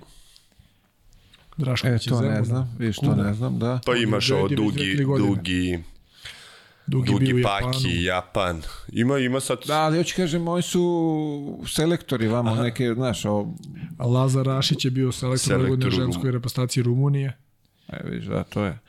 Imo si. Ne znam gde smo bili. Pa Nešto na bilo smo bili, pa smo se smejali. Stefan, selektor Austrije, Raške Rumunkama, Savke. Savke sa Kinezima i još jedan drugar iz Novog Sada, Rajs sa U23 kinezima na svetskom. Ždeks. Skoko je dole, skoko je dole ovim Ždeks, Katarcima. Skoko. Da, skoko Katar, Maksa, Holandija, bilo nas 20 tamo. Pa lepo ste se, što bi se reklo, umrežili, reps, le, lepo ste se raširili. Ja mora, ovaj sport potiče odavde i onda svi žele i srpske trenere i dosta reprezentacija dolazi da sparinguje s nama baš iz tog razloga da Mislim da što da je, nauče nešto više. I... Što je dobro i za Srbiju kao zemlju i za vas koji to lepo reprezentujete. Generalno i dobro izgleda, lupam, taj toj Vijeni se prvo vidi taj neki napredak. Ti Kinezi su ove godine imali dva, tri dobra turnira sa Savketom dešava se... Čekaj, Savke igra ili samo je... Igra i trener. Aha, aha. On je kao trener nacionalnog tima, a ta ekipa Beijing koji je u stvari nacionalni tim, on igra za njih kad može to po World Touru ima i to. Tako da neko se vidi napredak i onda svi generalno trude se da znači, e, A sad stvarno se vidi, stvarno se vidi, drugačije razmišljaju pa, na jasno, da, sve, jasno, da. Koji je ova stara košar, košarkaška škola, što bi se pa rekao, da. naša, pa da i god vidiš naše, ono, provali se neki rad. Uh, Šta ste mi izbacili, nešto, sam, nešto je palo na pamet. Da bre, je li moguće da jedan igrač bre, to, toliko donese ekipi? Pa brate, ja sam baš siguran da jeste. Malo imaš četiri čoveka s jednim, kad je tu skroz drugačija priča. Baš je Mislim, ono... nisam mislio sad na vas. da, da, jasno, jasno. Hvala, jedno imena da Nego... Čitam ja kroz radove, ne vezi, hvala. Ajde, ajde. Strašno. Strašno. A jel, prošle godine odemo, ajde se vratim na njega, Čekaj, odemo u Banovce na turnir. Bre, to kad će pričao jedan čovek, odemo u Banovce na turnir. Znaš što, došlo. A on došao Došlo, došlo, šta bi došlo 300 ljudi, iz njegove priče 3000 ljudi bilo na turniru. Bilo pet. da, rekao sam ti pet. I, da, imao sam kao jedan čovek, ja ću da rešim basket. Ma please. Tako da jedan čovek da. mnogo može da donese i dobrog i lošeg. E, a ove godine osvojim Banovce sa 3 u 23 igrača. A prošle godine s njima sam izgubio finalu. A prošle godine je to bilo prvi put da si nastupao pa, prvi put imao sam malo pritis. Sagoreo si, sagoreo yes. si, da. To jest. Sagoreo si u želji. Čekaj da odgovori čovjeku na pitanje da li jedan igrač. Pa rekao sam da može sigurno. Ali nije... nije Nis, nije teo tebi da pričam, ali generalno to je jednom igrač. Ovo ja se pronađem tamo da mi odgovara. Šampionski, nema šta. Ne, hoću kažem, gore je isto... Promeni, pa najviše zato što je to iskustvo neko. Tebi je došao taj Savki koji je 5-6 godina na vrhu. Tebi dođe taj Stefan koji je 5-6 godina na vrhu. Jednostavno, tim nekim igračima koji su već znaju osnove basketa, ali nisu na tom nivou, ti lako možeš da i guraš gore. Pogotovo usto još kad ti igraš, onda je to mnogo lakše.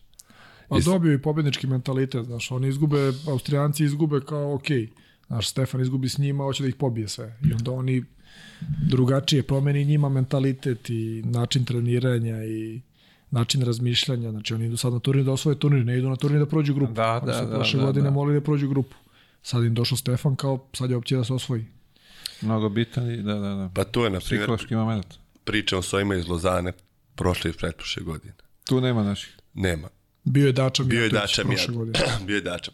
Ali oni pričaju nam nama neverovatno, brat, vi već ono pet godina i svaki basket, ono, o, morate da pobedite, kao u očima da se vidi kad izađete svi došli da pobedite. Pa da. Kao mi to nemo, mi izgubimo ono kao dobro, večerica, pivce, vino, sve okej. Okay.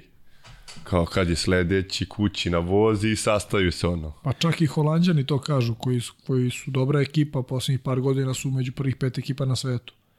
I isto, oni su osvojili jedan Masters za tih 5-6 godina. I oni isto ono ispadaju, sve trude se, sve ok. Ja recimo mislim da, da mogu da budu još bolji, da mogu da budu, da osvajaju više turnira, ali nešto im očigledno fali. I onda, i on isto to. Kaže, da, vi izgubite jedan basket posle pet osnovnih turnira, vi se posvađate posle posle basketa, kaže, mi ništa, kako god da izgubimo, nema veze. E, grupa. A sad me zanima, da li je to zbog lupam, ne znam kako je njihovo finansijsko stanje. Da li oni zavise od te Kintel, ne zavise ili boli huo, došli sam malo da se izigramo, ako prođe, prođe, ako ne prođe, pa, koga primer, jebe, čekamo sledeći. Ti holandjani od kad su počeli da se bave ovim, imaju plate od Saveza i od države. A, pa da, da. I ti letonci, kada je sport postao olimpijski, imaju plate od od države. Naš Leotonti su, da kažeš, državni projekat zato što oni ne mogu da uzmu medalju ni u čemu drugom nego u basketu.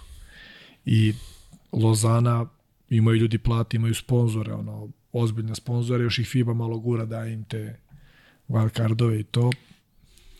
Mislim da sad i Belgijanci imaju pare od plate od Saveza.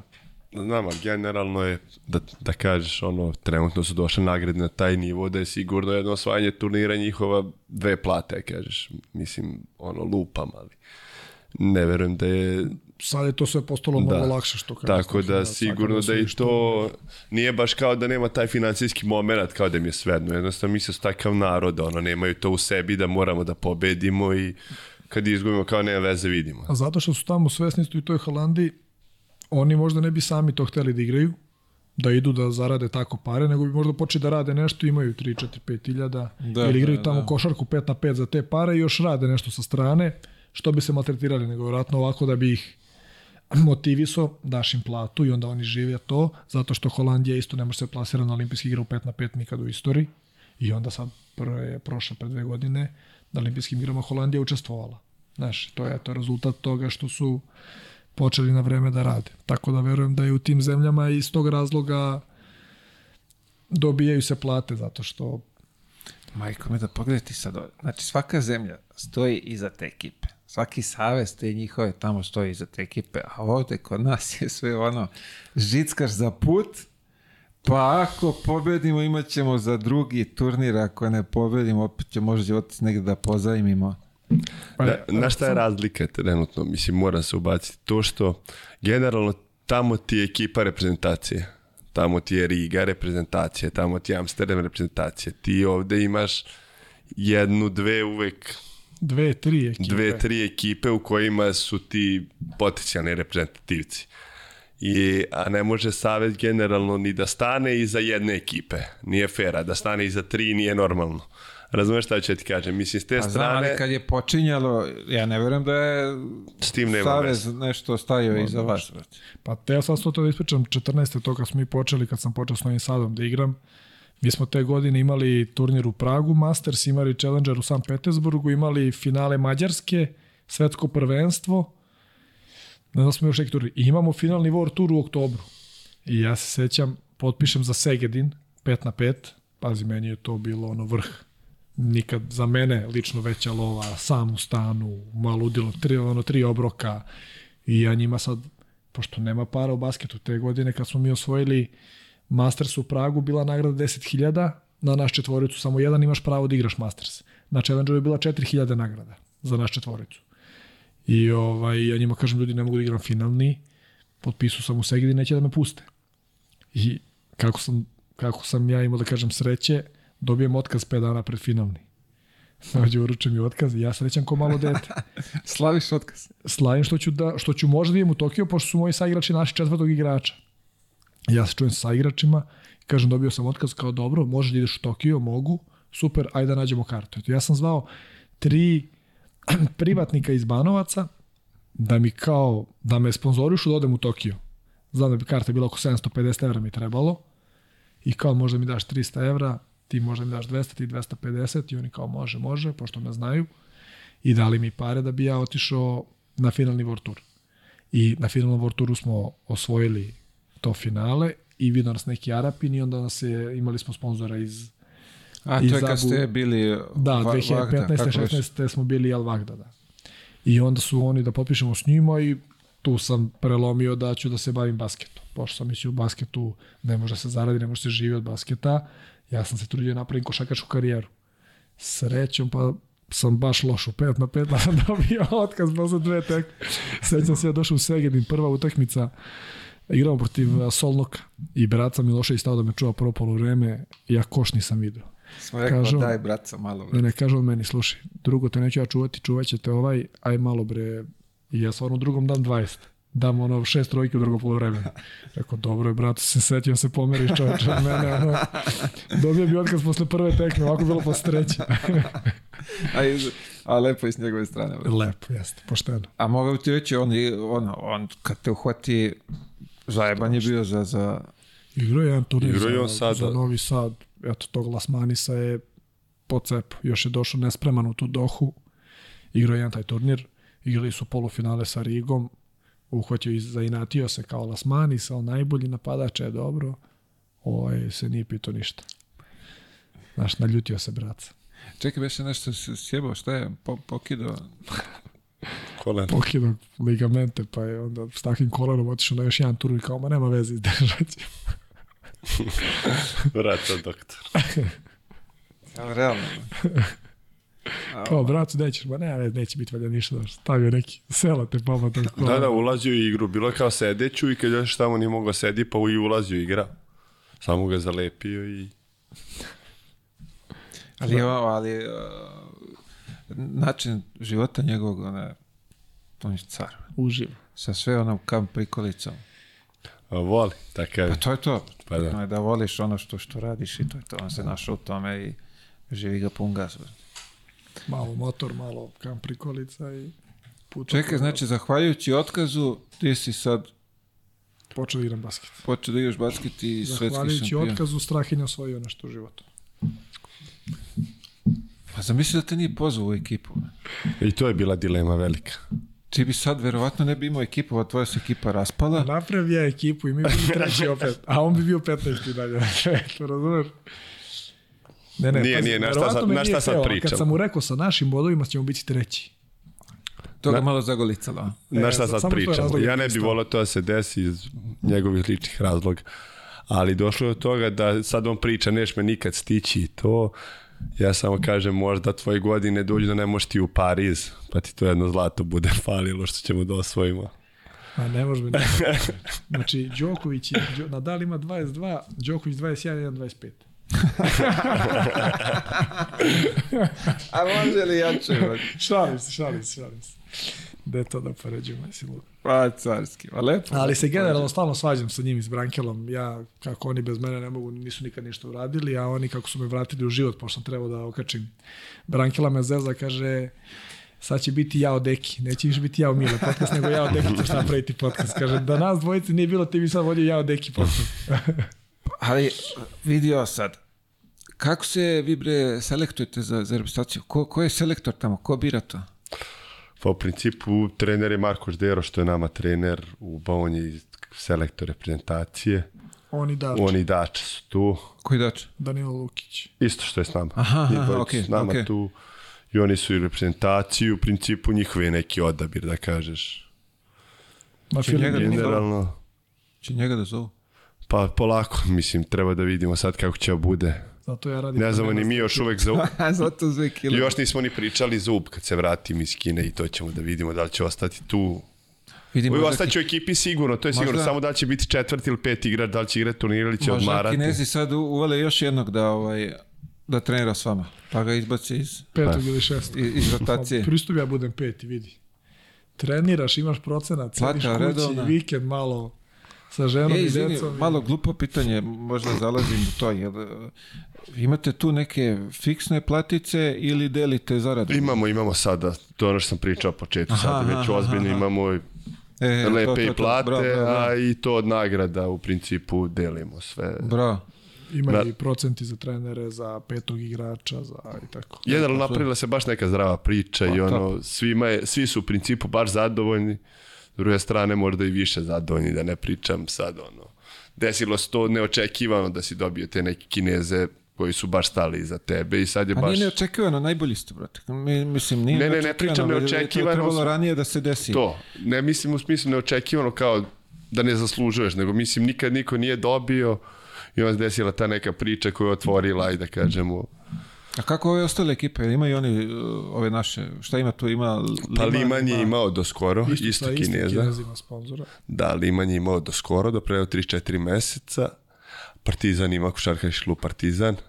Dobro, da, oni su tek počeli. To, tek su da. počeli, pa ima, i to je to. Ima ekipa Dunav, Danube, sad neki Rusim je sponsor uh, Dugiju To je Dugi je igrao samo jedan turnir za njih, to su Vuko Vrdinović, Bogdan Dragović, mm -hmm, Nikola mhm. Vuković, oni su imali neke plate od tog Rusa. Mislim, lepo bi bilo da, da znaš, daj da pomognemo nekog da, da čuje ovo, da, da, da, da lupam sad, što ti kažeš, ne može da lepite sad, kad bi oni izašli u susred, da može da lepite, da ih promovišete na, ne, bilo na neki bilo način, kao, ovaj, kao evo što i ovaj sponsor iza mene, isto se vidi, to je isto vrsta promocije, oni su za da. to platili i okej, tako, znaš, samo bih voleo da napravimo neku atmosferu da ljudi prepoznaju se da mogu da vam pomognu, ali verovatno i oni traže negde da, da budu viđeni, da mogu ovaj...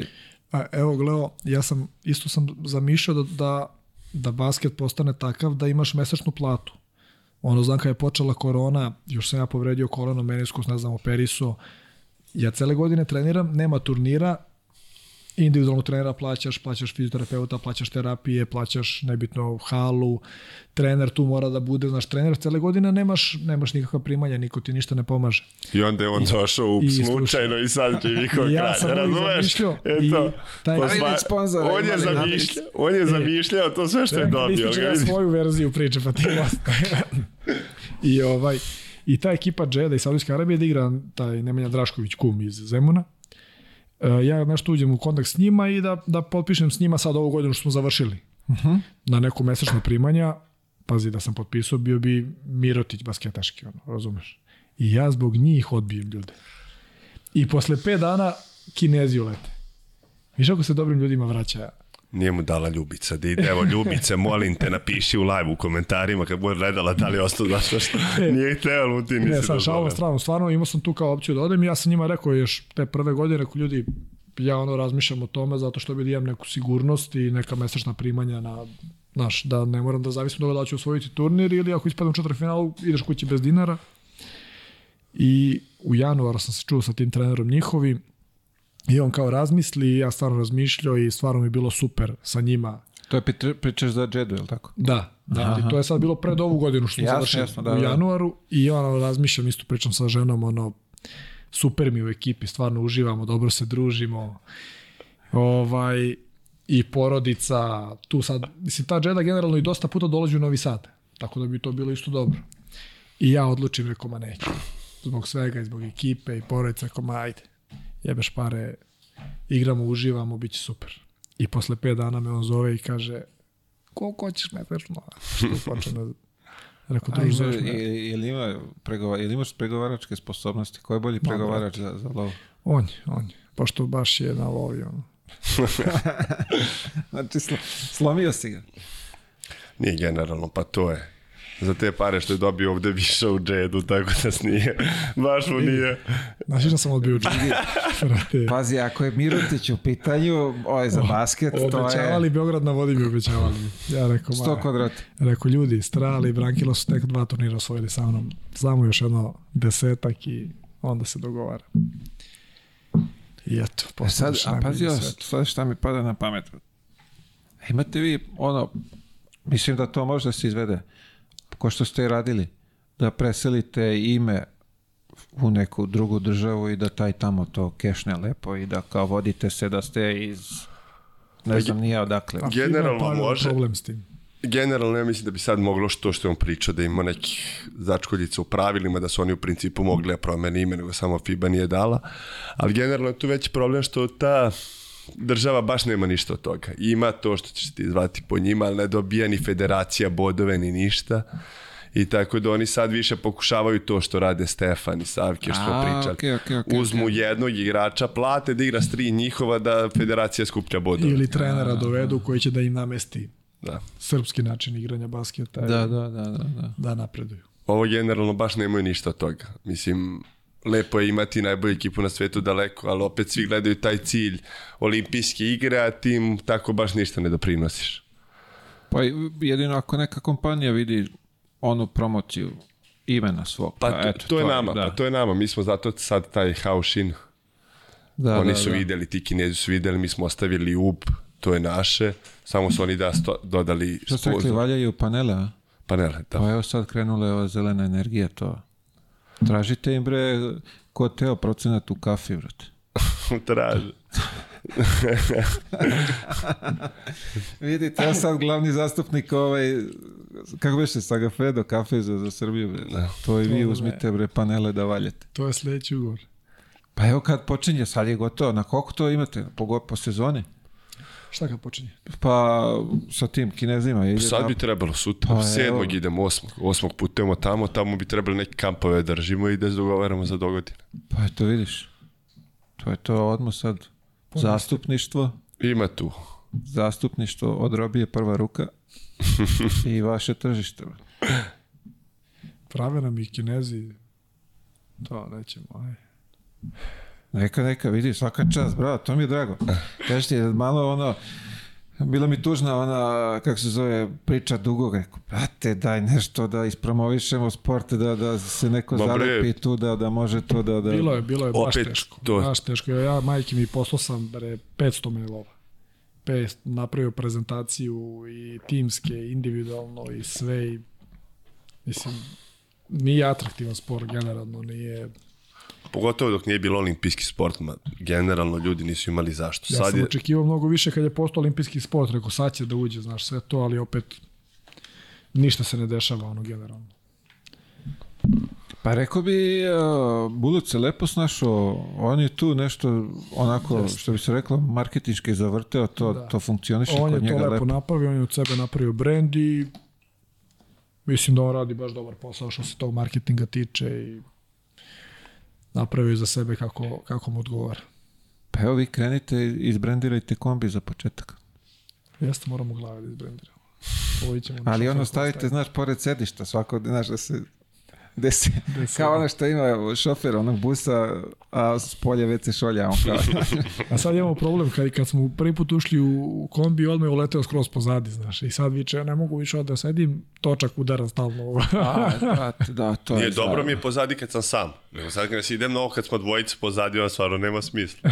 A on je taj uvek prvi uleti da sede gde najbolje I, pa kako kad je šofer, brate? Šta? Kad ne vozi, kad ne vozi je odmah iza šofera, tu ima baš dosta mesta. A 98% po slučaju vozi. A šofer ne može obori sedište, ali tako? E, to sam ja seo jednom. Ovako sedim. Da, a beži. Prodavača gleda seriju, krenuo da bi vozio. Sve moram da radim. Vidiš da, mislim malo komplikovano ovaj je put i to sve, to je pogotovo to, jednom sam se u, u neki kombi, pri, naše jebi ja veliki noge drži, ne da i kao, aj nema veze, malo, ovaj ću da, da... Sad, sad smo i čamac kupili kad smo od prevoznih sredstava. Opa, pa sad imamo i da se voz. Dobanovac. Dobanovac. Na taj turnir kad bude. Ma ne vodim i fišan turnir, Bruka ima tamo. Vodimo ove u 23, e oni igraju top i... kako, po, kako počinješ pripreme ovaj, za, za sezonu? Čuo sam ovaj- da ima neka Talija. Kakva sam Talija? Daj, pomozi mi. Pa pre nek što počne sezona, kaže, odigraš s jednim gospodinom jedan na jedan radi sreće za narednu sezonu. Sa Dugarom, a? I? I? Kako to funkcioniš? Sa Turetom, s kim? Sa Dugim, naravno. Pa Dugi priča kako da, kako me pusti da bi dobio na samopouzdanju, ali zaplače na kraju kad mu razbijem usnu ili jezik. Šalim se, ne, dobio me dugi, ja zato vam pričam to. Pa, samo, to viš, ja... Ne mogu se ti, ne pamtim. Slušam, neću, ispravljam. Ništa što je loše ne pamtim. Ne pamtim te poraze, ali jeste, igrali smo u Banovcima basket. Bilo Kaže 20... da je to tradicionalno sad, pre svake sezone. Da, samo što je jednom uspeo da pobedi, ja mislim, koliko se sećam. Evo, možemo ovaj, zakažemo ovih dana. Nemoj, potućemo se. Ovo, ovaj, igrali smo jednom u Banovcima, u sali, Sad sam se došlo mojih šest drugara i navija za njega i 20-20 i sad on par puta napada leđima i ja sekira, nema koša i ono osmi put sekira i on pada na kolena i neće traži faul i ja da se bacim na njega i on sa zemlje s kolena baci i pobedi nervni slom. A na terenu del, delirium. Delirium na terenu, uleće ovi moji, to... A te kaže, celo, ovaj, svi banovci navijaju protiv svi njega. Protiv. Je moguće da, da te tako ovaj, ne znam tretiraju? Da li taj karakter neki, nerviram ljude, ne znam, ono... Pa im je drago kad izgubim da se iznerviram. Kaže, koji veše neki trener vas zove da, da, je taj, da odigrate jedan na jedan pre, pre početka? Neko, da, dača, da, neko kaže, pozove, dođe i onda kaže, cela hala, gde već igre, nemam pojma, navijaju protiv njega. Da. A njegovi drugari kao... Da, sve, njegovi... sve, moji drugari dođu, ono, niko se ne druži, mislim, znaju Dugija dobro, ali ja svaki dan s njima. I oni navijaju iz Dugija, to, to, samo prebiga tako, baš le, lepo društvo. A dobro, nezgodno je, kako sam provalio iz priče, s njim je poprilično nezgodno igrati, ja? S Dugarom? Da. Baš jako nezgodno. Hapsi? Hapsi, da. Branko Lazić za basket? Da, da, isto nestaje, baca se, ono... Ma zna da čovjek, ima, ima godine iskustva u tome, dugo taj karakter isto, da voli da se pošiba, pobije. Mislim, ja sam igrao sa ekipom Zemuna pre, pre Novog Sada i sa njim sam uvek volao da igram. I to kad smo se razišli sa, sa Novim Sadom, sa Savketom, pričam Savke šta ćemo, kako ćemo, prva opcija mi bila Dugi. Rekao, Dugija, sigurno, i poćemo da vidimo ko je. I mislim da sam Maksu, Maksu sam zvao da vidim šta, kako je njegov plan ali s Dugijem sam uvijek volao da igra, baš zato što ima taj... Bar da te ne bije. Pa bar mene da ne bije, bar druge. Zato što i on, ono, isto je pobednik, znaš, ne, nestaje, baca se za loptom, koliko god da se gubi, on i dalje ide glavom u zid, tako da i 5 na 5 sam igrao s njim u Dunavu i uvek smo igrali jako dobro zajedno dok se ne pobijemo kad jedan na jedan. A ne svađate se oko lopte, verovatno? E, da tu se ne svađamo, da. Ja volim da šutnem, on voli da se pobije za da skok i sve kako treba. o, majko, bila čovjek šutno 300 puta. Vrat, strašno. Čak sam ubeđen da je loša statistiku naša. To je samo našo za određen broj turnira, ide to na 400. Ne, ne, ceo tur kad bi našao 400 sigurno. 400. 380.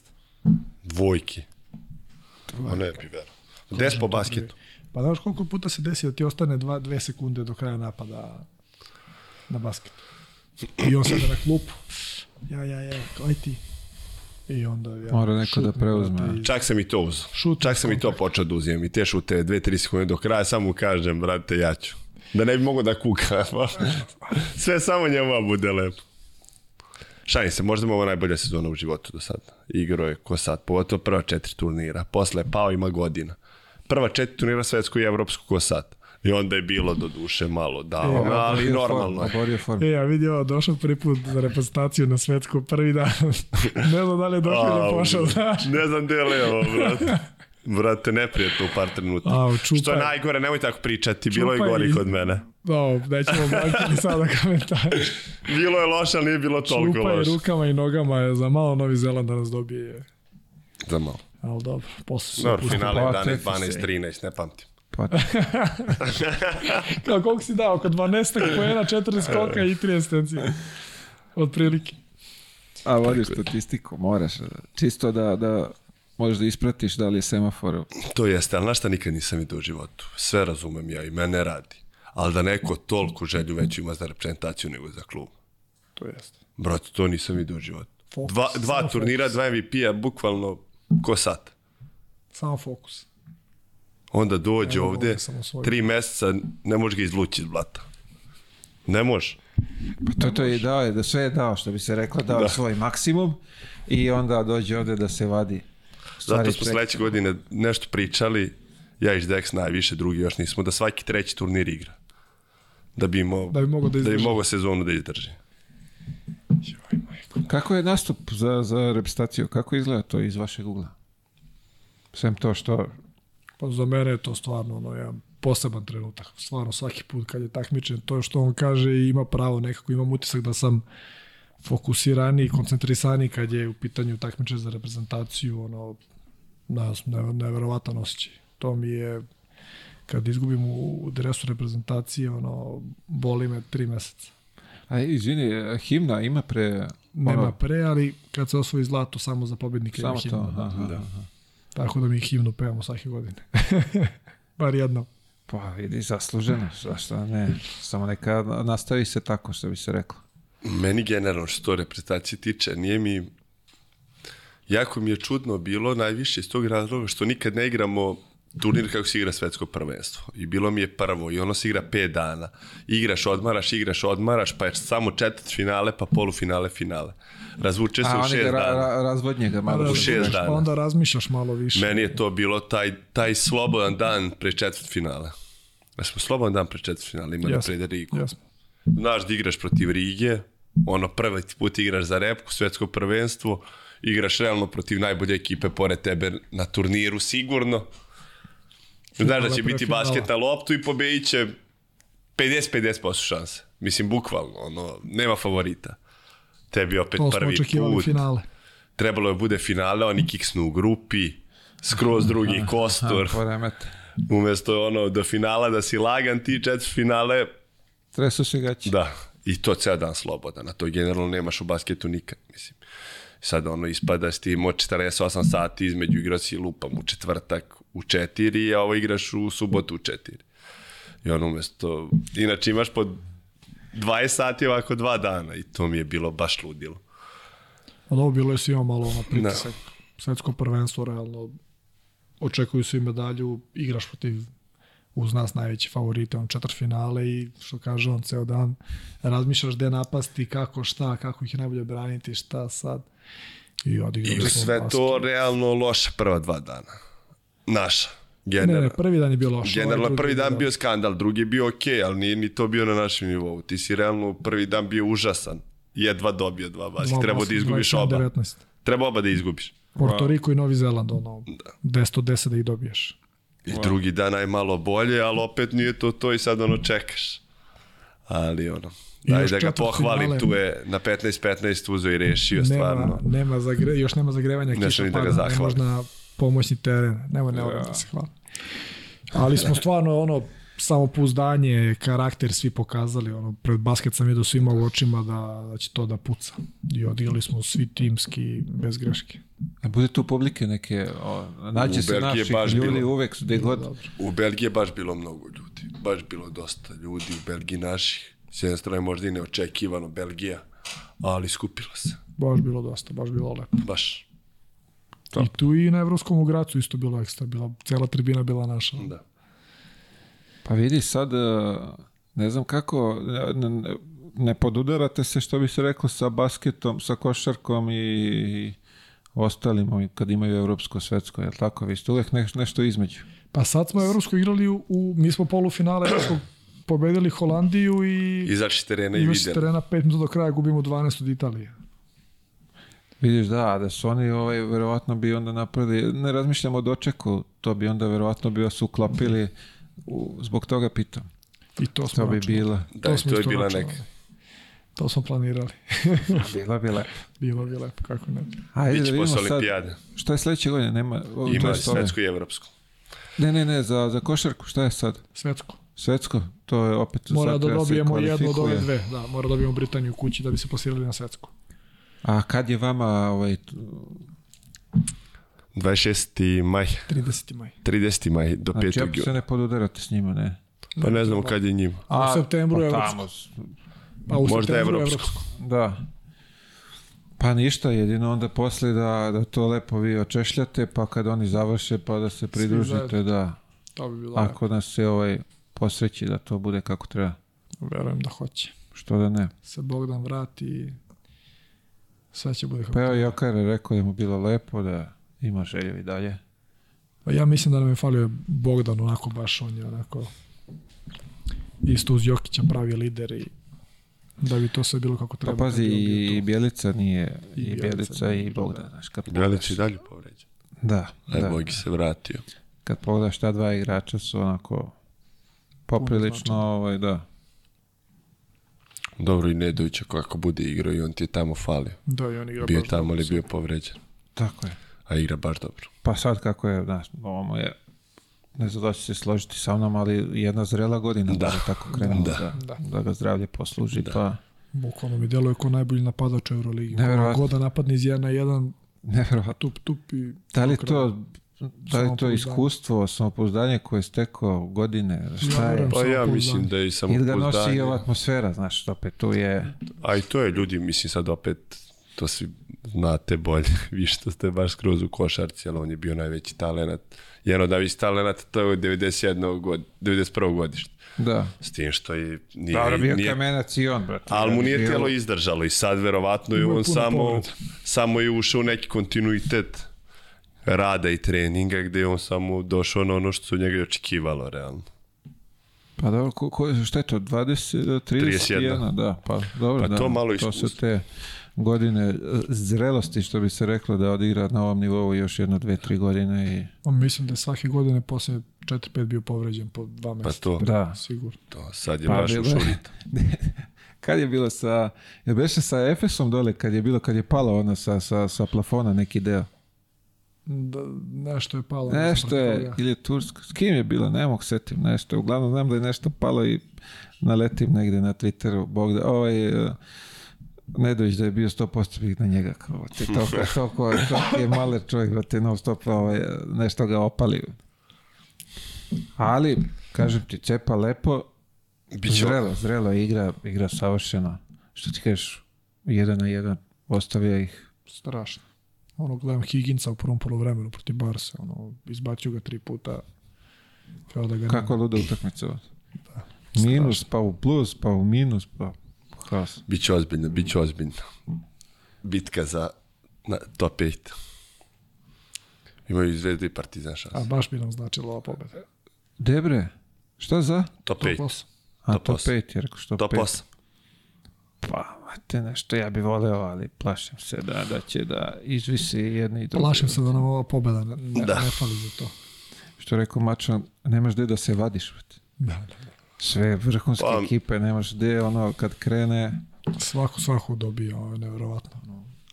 Ali znam, ali ti sa on dvojicom, to jest Vildoza kad počne, kad se vrati s Kampacom, još je veliki, ako ti dođe, ti si baš, baš ozbiljna ekipa.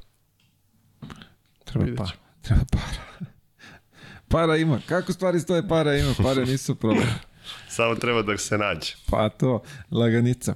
E, recite mi, da li maštate vi o Big 3 čudu tom američkom? Ja lično ne. Ne, mislim, cilj mi je ova olimpijada 2024. Posle toga kad bi dobio poziv, verovatno bi otišao da vidim šta je to tamo, kako to izgleda, ali... Se razlikuje ta, taj njihov basket od ovog? Mnogo se razlikuje baš mnogo. Vidio sam da ima nešto gore, one za četiri, koliko pojena? Ima za dva, tri, četiri pojena. Kada daš koš, druga ekipa uzme loptu, pa idu peške do centra, pa onda krenu 30 sekundi napad. Nema da je 30 sekundi 24. Ali ima... Nisu ograničeni vremenom kao vi. Pa mi smo 12 sekundi, a kod njih je 30, ja mislim.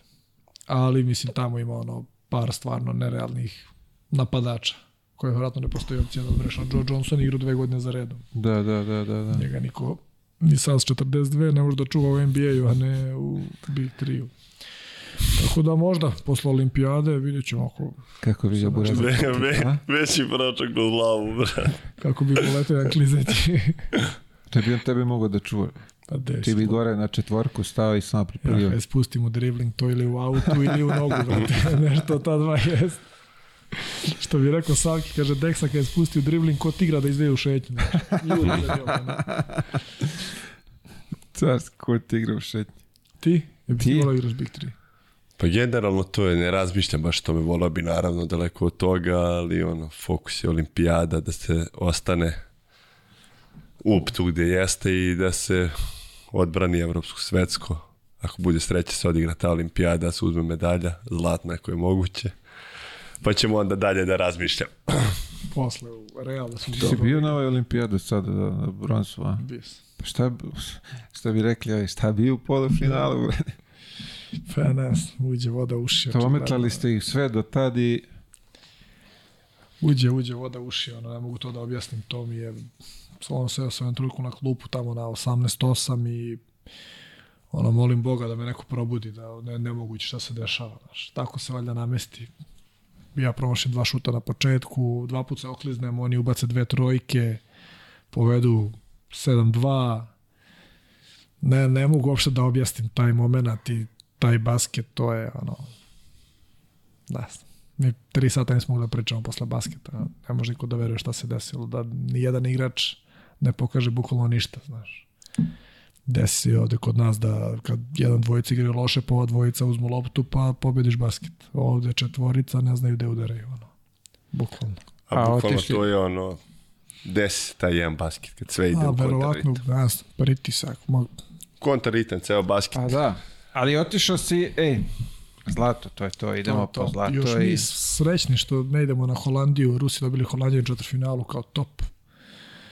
Super, ali namesti se, valjda, znaš, i oni opušteni ušli u polufinale, nema šta da izgube Srbija, ako izgube neće im niko ništa reći. Opustili se, pogodili prvi put u životu 5-6 trojki na basketu i mi oni od njihovih pet trojki mi se tri put okliznuli. Oni ostali sami, namestili se i tako se namestio Čilo. Nečim nismo zaslužili. Očigledno. Pa dobro, ali pa sad da ti posle svega tog haosa koji proživiš posle tog poraza, treba se poraviš da igraš za bronzu. Nama je to četvrti put da smo bili za bronzu. Prvi put smo uzeli bronzu i onda jedno svetsko, jedno evropsko, nismo mogli da se oporavimo, pošto smo izgubili oba polufinala nešto posljednji sekundi. I za treće mesto smo igrali katastrofa, ono, bez motivacije, bez ičega, nismo imali šanse da uzmemo bronzu. Sreća vamo je bilo jedno 4 sata između polufinala i meča za treće mesto, 3-4 sata. I onda smo, kažem ti, 2-3 sata smo gledali svi u jednu tačku, niko nije progovarao. Je bila suza? Pa, ja mislim da je bilo, kod mene bar. Baš mi je palo jako teško, onako, bilo je. Sačekao sam da se, nije bilo posle polufinala odmah, ali posle kad se završile olimpijske igre je bilo. I ovaj, i onda smo 45 minuta pred basket, treba krenemo se zagrevamo i ono, ljudi, ok, dajte samo da suzme medalja, post ćemo pričati o svemu, ne može sad ništa da se promeni, a i sada se izgine i tako smo izašli na teren i hvala Bogu uzeli to, to bronzu koja kako vreme odmiče ima sve veću vrednost onako. A tad si ono razočaran. A tad Jebate, sam baš bio razočaran, da. ja tako izjavim negde kao pa nismo zadovoljni, ono, zovu me drugari, ono, porodice, kao šta pričaš ti, kao šta glumiš, znaš. Ali tako sam se osjećao jednostavno, I sad kad god pomeneš te Ruse, evo sad, sad bi zaplako isto. Teško padne svaki put, ali dobro. Prolazi vreme. A dobro, sad ste mlađi, novi ste, imate nove članove. Imamo, da, ovi su ovi znaju kako se igraju ti basketi, tako da sam sad miran i lagan. Dobio si iskustva. Sad sam opušten. Ja sad sam dobio lude glave, pa sad... Sad dobio no. što ne, razmišlj, ne razmišljaju o pritisku. Ne stigne ne, ne da razmišljaju. Ne postoji pritisak, da. Ne znaš koga da sputavaš, sebi ili njih. Da, da. Pokušavam nekad njega kad se borim s njim za MP nagradu, ali ne vredi, ne da se. ima da i malo, što bi se reklo to, ona, ajde, u timu ste zajedno, pa jedan i drugi ganjate tu nešto. Ma te... baš nema. Sad se šalimo, ali baš nema ni s jedne ni druge strane, bukvalno nijem posto. Da, znaš kako sam se To je više ovo, zanimljivo se prepirati. Da, više, Nego... stvarno više zezanje, ali smo se svađali sad na kraju sezone. Uh, ja mu kažem, brate, jako me nervira, juriš uvijek prvi dan MVP nagradu. Dođeš znači, prvi dan kad imamo lagane baskete, uzmeš i daješ 10 pojena ovim ekipama i ajde ja te pustim i onda ako osvojimo ti si MVP zbog prvog dana, znaš, to što ja u polufinalu ubacim 12, to niko ne računa. Šta pričaš? I sad mi da gledamo koji prvi dan više šuto lopti na Mastersima. I prva tri turnira ja više. I onda, e, ja, ja da. se preznojio, rekao, moguće i sledeća četiri turnira on više. Rekao ja više, on dok nisi jurio MVP nagradu, bio si MVP posle kad si jurio ništa Tako. Jeste. Tako da uvijek ja malo. E, I meni je žao, ja sam Brankelu zezno za, za MVP u Tsunami, taj prvi turnir. Strahinja bio ubedljivo najloši naš igrač do, do finala i Brankela i ja smo onako igrali baš dobar turnir. I on je u finalu naravno poludeo, on njegov dao 12, 13, 14 pojena ali ja sam u finalu malo više šutirao, a Brankila mi je bio 3-4 puta sam dole na ziceru, nego ja sad dobro sam šutirao taj turnir, pa samo da je šutnem, znaš. I na kraju Strala MVP. Strala imao 30 pojena, Brankila 29, ja 28 ja kod nisam dao jednu trojku, tamo bi to bilo, to da veliki, a Brankila mi govori, da alo, Brankila mi govori, alo bre, daj mi dole loptu na zitar da bude MVP jednom u životu, bre, Sebičnjaković i jedan, i onda je tu baš bilo smejanja, ovaj jedini nije očekivao, znači. Šta bre, Brankovića, malo bre. Pa žao mi što je on uz MVP nagradu. Deja uzov završnog MVP-a. Prvi ne može lepši. Završnog i to je to. Ja ništa ozbiljno nisam uzao. Ovo ovaj je svetsko i evropsko, ovo ovaj je završno mogli ste malo da budete timski da pogurate čovjeka, bre. Ne, ne, sad Baki sledeće godine da uzmemo 2-3 MP i onda smo lagani. Da svako uzme po nešto. Da bre, ja Nek bude isto kao prošlo. Neka bude, da ne menjamo ništa. Samo na, nastavite da kidate u, da. u, u ovom ritmu. Uh, ono što me zanima je sad kako se to gleda, kako, kako vi to procenjujete. Uh, je li ima tu mladih, talentovanih u, kod nas u, u ovom Pa vraćamo se vašem sportu. Pa vraćamo se opet na onu priču. Generalno je to kad ćeš nekog privući iz košarke da ti pređe na basket. U principu i svi te momci što igraju basket trenutno i te u 23 reprezentacije, da ne pričamo ovim mlađim, oni svi i dalje u košarci. Mhm, Sad, mhm. to je pitanje samo, oni će sigurno, svi vole, jako vole, ali opet ono što smo vratili, to je priča gde oni momci nemaju opciju da se odluče samo za basket. Sigurno. Zato što nemaju tu sigurnost, da, realno da, da. mladi su momci, nadaju se, kao što su se svi nadali. Mi što smo prešli, ćemo biti uspešni košarkaši i sve taj neki moment kad će ti uspeti nekog od tih malo boljih klinaca, momaka, pa dečaka, kako da. god prebaciti na basket. Ali generalno mislim da u Srbiji ima jako mnogo dobrih košarkaša, generalno i basketa, koji će uz određeni period lako preći na basket ako Pa to je jedino, kako ja provaljujem, da bi jedin taj neki finansijski deo ajde kao vamo je, nije to, ne može, teško je ovde, možda lakše, ne znam, vi bolje znate. Nije lako ni kod vas, jer treba teško doći je. vas da skinu, ali ovaj... Nemaju kako da zarade da. pare u Basku 43. Recimo ta U23 reprezentacija koja je dobra, oni moraju da se probiju na Challengera i na Masters da bi zaradili nešto para. Znaš, i onda svi dalje igraju 5 na 5. A eto, ove godine smo, to je prošle godine smo u 23 reprezentacija uzela dva srebra na svetskom prvenstvu i na meridijanskim igrama i u 18 reprezentacija uzela srebro isto na, na svetskom ili na evropskom prvenstvu. Tako da imamo talentovanih mladih igrača, ali svi su još uvijek u košarci i još se niko nije opredelio skroz na basket. A, jel razmišljate vi da pokrećete neke te svoje akademije, kako to već funkcioniše, kako to možda se nazove kod vas? Pa generalno, škole? generalno to imaš Trix 3 akademiju koja je, da kažemo, odvojena, ali i donekle i u sklopu UBA i kao što sve radimo zajedno i tu smo negde pomažemo se ko može, neki strance dovede, aha, aha. tako tamo vamo. A to što se tiče, opet se vraćam svi ti momci mlađi, oni su košarci. Sad teško je ti nekog privući tu da ti trenira baš basket. Realno nije ni normalno s moje tačke gledišta, jer svi da ne pričamo to 14, 15, 16, svi su oni da budu košarkaši. Da, da. Eto, Novi primjer, Jokić i Bogdan. Da. Primer taj Miloš Antić igrao za ovu 23 reprezentaciju, isto igrao 5 na 5, ne znam gde je bio, u Herceg Novom. I zvala ga ekipa Dunava, da je Bogdan Dragović, Vuković i oni i ponudili smo platu od tog sponzora. I on je iz tog razloga sad skroz prebacio da se bavi samo basketom. Mm -hmm. Dobio neku sigurnost, ok, igramo i pa, da. prešao je skroz sa 5 na 5 na 3 na 3. Pa kažem, to je opet vodi ono, kapu, ako naučite sponzore, ako bezbedite, onda je to sve lakše, lakše i... Da. Može da se, da se ostvari. Pa Momirov, recimo, on igrao ACB ligu. Igrao, igrao FNPL. Stefan. Da u mi je poznato je prezime. U Megi, Megi u FFP-u. Bio u Grčkoj posljednju godinu, pre toga u Megi, sad je u Breogan. Aha, sa aha. Nenadićem i... Okay. Luki. I Luković. I on je ove godine igrao za u 23 reprezentaciju. I to su ga zvali pre dve godine isto, nije hteo zbog 5 na 5 i sad je došao i kao, ali ovo dobro, svidelo mu se i mi kao, znaš, si potpisao i to kao potpisao za, u Španiju ACB, ali kao odigrat ovo Meridijanske igre. I igrao je ono basket nama celo. Čekaj, će, sad, ne, a puštaju oni, jel ima to u tog ne. se, ne, nema ništa. Ne. To ono može samo kad je pauza neka. Kad je leto i to, kad nema tamo obaveze, onda može da... Igro je, s nama, igro je s nama jedan turnir u vrstu isto.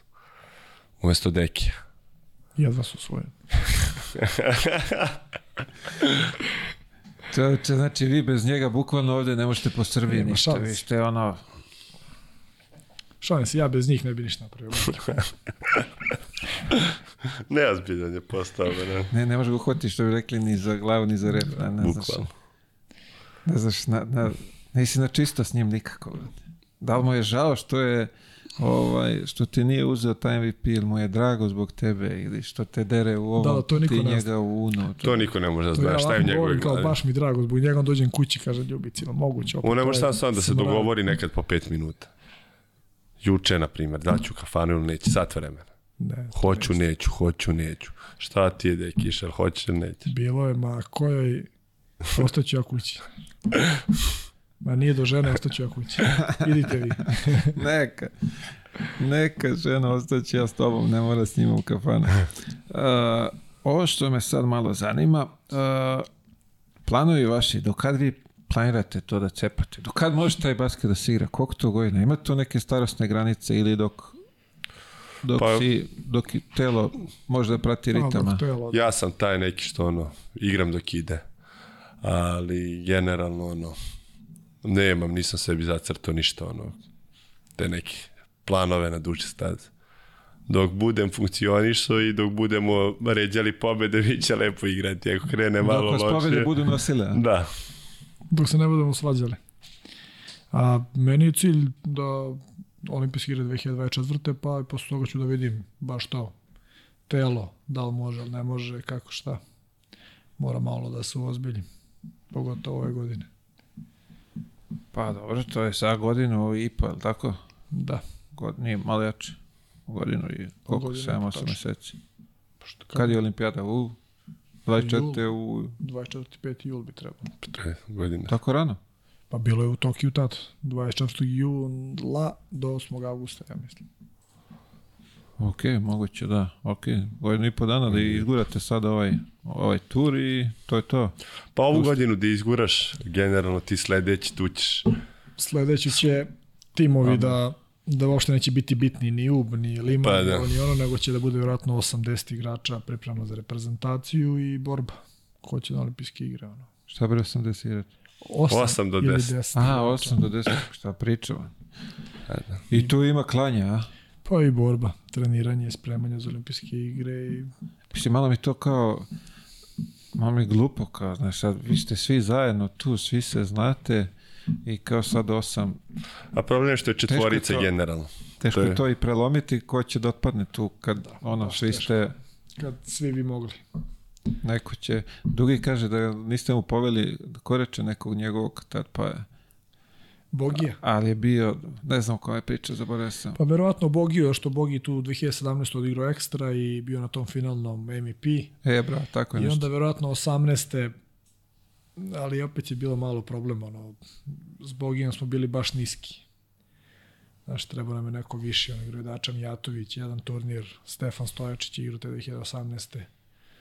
Mislim da je to bio problem, sad se više ni ne sećam kako, zašto, ali mislim da nam je... Nešto je spominjao da, je, da je otišao s vama, njegova ekipa ekipa bi dobila još neke bodove, pa ulazi nešto da im i savez nešto kintu neku daje. Tako nešto znam da Da je rekao da je tu Dosta. malo su ostali kratki pa, pa, pa ga je pogodilo to.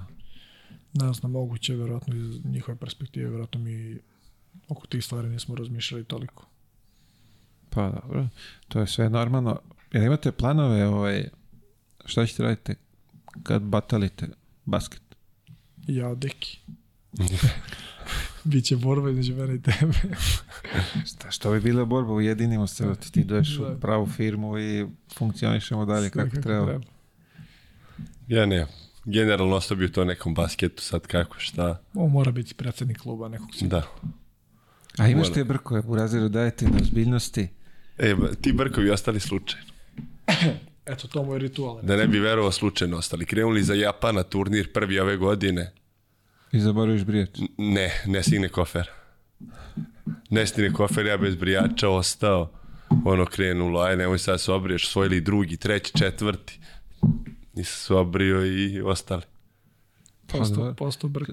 I posto brka i sad svetsko, bilo tako, brka, brka, ostao. A sad da iskinem do početka sezone, već me nerviraju jako. Što, brate? Baš me... Pa kako ćemo mi da se naviknemo sad? Da, to smo nešto pričali sad kad smo bili na zvezdi. Da li bi me neko skonto na utakmici da nema rekao? Ovako jesu, da se obre, vjerojatno niko ne... Rekli bi joj doveli novog igrača. Ko je ovaj? Či znači, to je od planova da ostaješ u, u tome? Pa da. Vidjet ćemo naravno kojim, kako krene dalje. Nikad ne znaš, ali to je nešto bi voleo trenutno. A isto stvari i sam širi se, gradi se. Tu si nekako u dobroj poziciji. Pa da. A mislim da samo će ići sve gore i gore. I sad je, mislim, sve bolje i bolje. Da, da sve će više, sve će više napreduje. Tako da, A mi smo pioniri ovog sporta. Da. Tako je, bravo. Sport vi bi to, ne, da ja nekako, kako ja to vidim, vi bi trebali da iskoristite ovo Bulut što je i samo da dižete i širite to, da, nadograđujete iz godine u godinu i da budete tata mata u, u tome. Da. Da nalazite neke zanimljive projekte da, ispro, da ih sprovodite, što bi se reklo dela. Ima, dešava se. Pa Već to. Dešava. Pa bravo. Tako A, pa, da ono. Mislim, super. Nek se širi, nek se radi. Uh, to su nam od planova. Kako se zove, je li ima nešto da nismo spomenuli, da bi istakli? Smo preskočili neku bitnu temu u vašu? Mm, nisam. Malo smo se košarke dotakli, to je to onako, nemam pojma. Ali, pa, Prva ljubav. Pa to, ali ovde smo zbog basketa. Sad, Prva ljubav, tako da. futbol. Futbol? Sanjao sam da budem Dejan Stanković ili Zinedin Zidane. Pa vidi, ja sad ovako kako te gledam, prebi ličiš mi na materacija. Ako može. Materacija mogu u finalu svetskog. Sve može. I nabol Zidana u grudi. Da, Kožanko, baš nismo ni pričali, ali dobro. Hajde, ukazat će se prilika, vidi. Zacrtamo neke ciljeve, posvajate nešto tu zanimljivo. Svetsko je evropsko, pa se vidimo ponovo. Pa to, samo da nabacamo još stolica ovde da možemo, nemamo svi da smestimo ovaj, mikrofona, pa da ugostimo to lepo, da bude onako ekipno, publiku. Do tad možda ovaj, imamo i mi neke planove, što bi se reklo za ovu godinu, pa ćemo vidjeti šta Kako ćemo stvariti. Planovi? Moji planovi? da se širimo. Da se širimo, tako da vidjet ćemo. Lepo. Svašta nešto razmišljamo, nešto ćemo sprovesti u dela, možda nešto nećemo, ali Bože moj, bitno je da imamo ne, nečem ka čemu težimo, tako. Kao što vi hoćete da budete olimpijski prvaci, ja će da budem ne baš toliko loš u, u ovom što radim. Tako da, je, momci, Hvala na izvojenom vremenu. Zagazili smo tu, probili smo trojku. Čestitamo na probijenoj trojci. Šta moraš da pričaš, brate? Kad bi smanjio malo. O, lepo. A ti, dobro što nisi pričao svoju košarkašku karijeru još. Pazio, imamo ovde, vi ste svetski prvaci 3 na 3, a ovo su svetski prvaci u toj njihovoj branši. Pošto ste mi malo sad, niste mi na ruku, slobodno preuzmite poklone. Hvala. Mi tebi nismo doneli ništa. A, dobro. Donećemo. Donesite medalje. E, ovo su vam, kako se zove, da, da se naviknete na ove brendirane šolje. Hvala. Da hvala, reklamirate hvala. tamo negde u Mongoliji čaj neki da pijete. Može. Ljudi, još hvala jednom, hvala vam. Ako imate, znaš ovo kako kaže, ono, ako imate nešto recite ili ćute do kraja života. Bilo mi je zadovoljstvo podeliti ova tri sata sa vama, bilo je zanimljivo. Nadam se da ste uživali, da vas nisam maltretirao. Komentarisali smo i pre par meseci, jer ako mora nas Mila zvati u podcast. Pa eto vidiš. Tako da, eto. Bilo prepoznao sam, prepoznao sam moment. Sačekao sam da to izmultite sve tamo. Mlatite i dalje, mi ćemo pratimo, navijat ćemo, tu smo uz vas. Ja se nadam, evo kažem, moja iskrena, ovaj, moja iskrena želja, ako možemo nekako da vas proguramo, da ljudi čuju za vas, da, da, da pre se prepoznaju, da vas podrže, ajde kažemo da imaju obostranu korist, jer logično je da jednostrano nije dobro ovaj, za, za to, ali obostrano kad bi bilo da, da ljudi ne samo vi, nego i ostale ekipe da dobiju sponzore, da, da mogu da funkcionišu, da bi napredovali.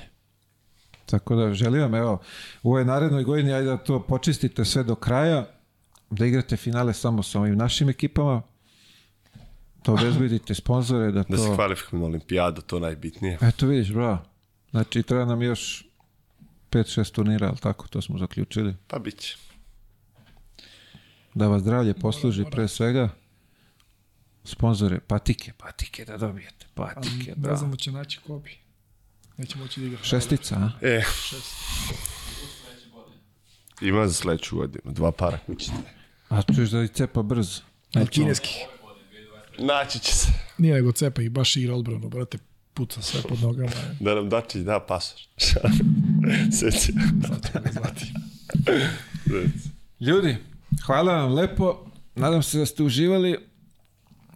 Želimo vam još jednom srećne ove Mnogodišnje božićne praznike, srećna vam i ova 2023. da bude uspešna i vama kao što će biti i njima, nadam se i meni, pa se već družimo sledeće nedelje. Svako dobro i prijatno. Pozdrav!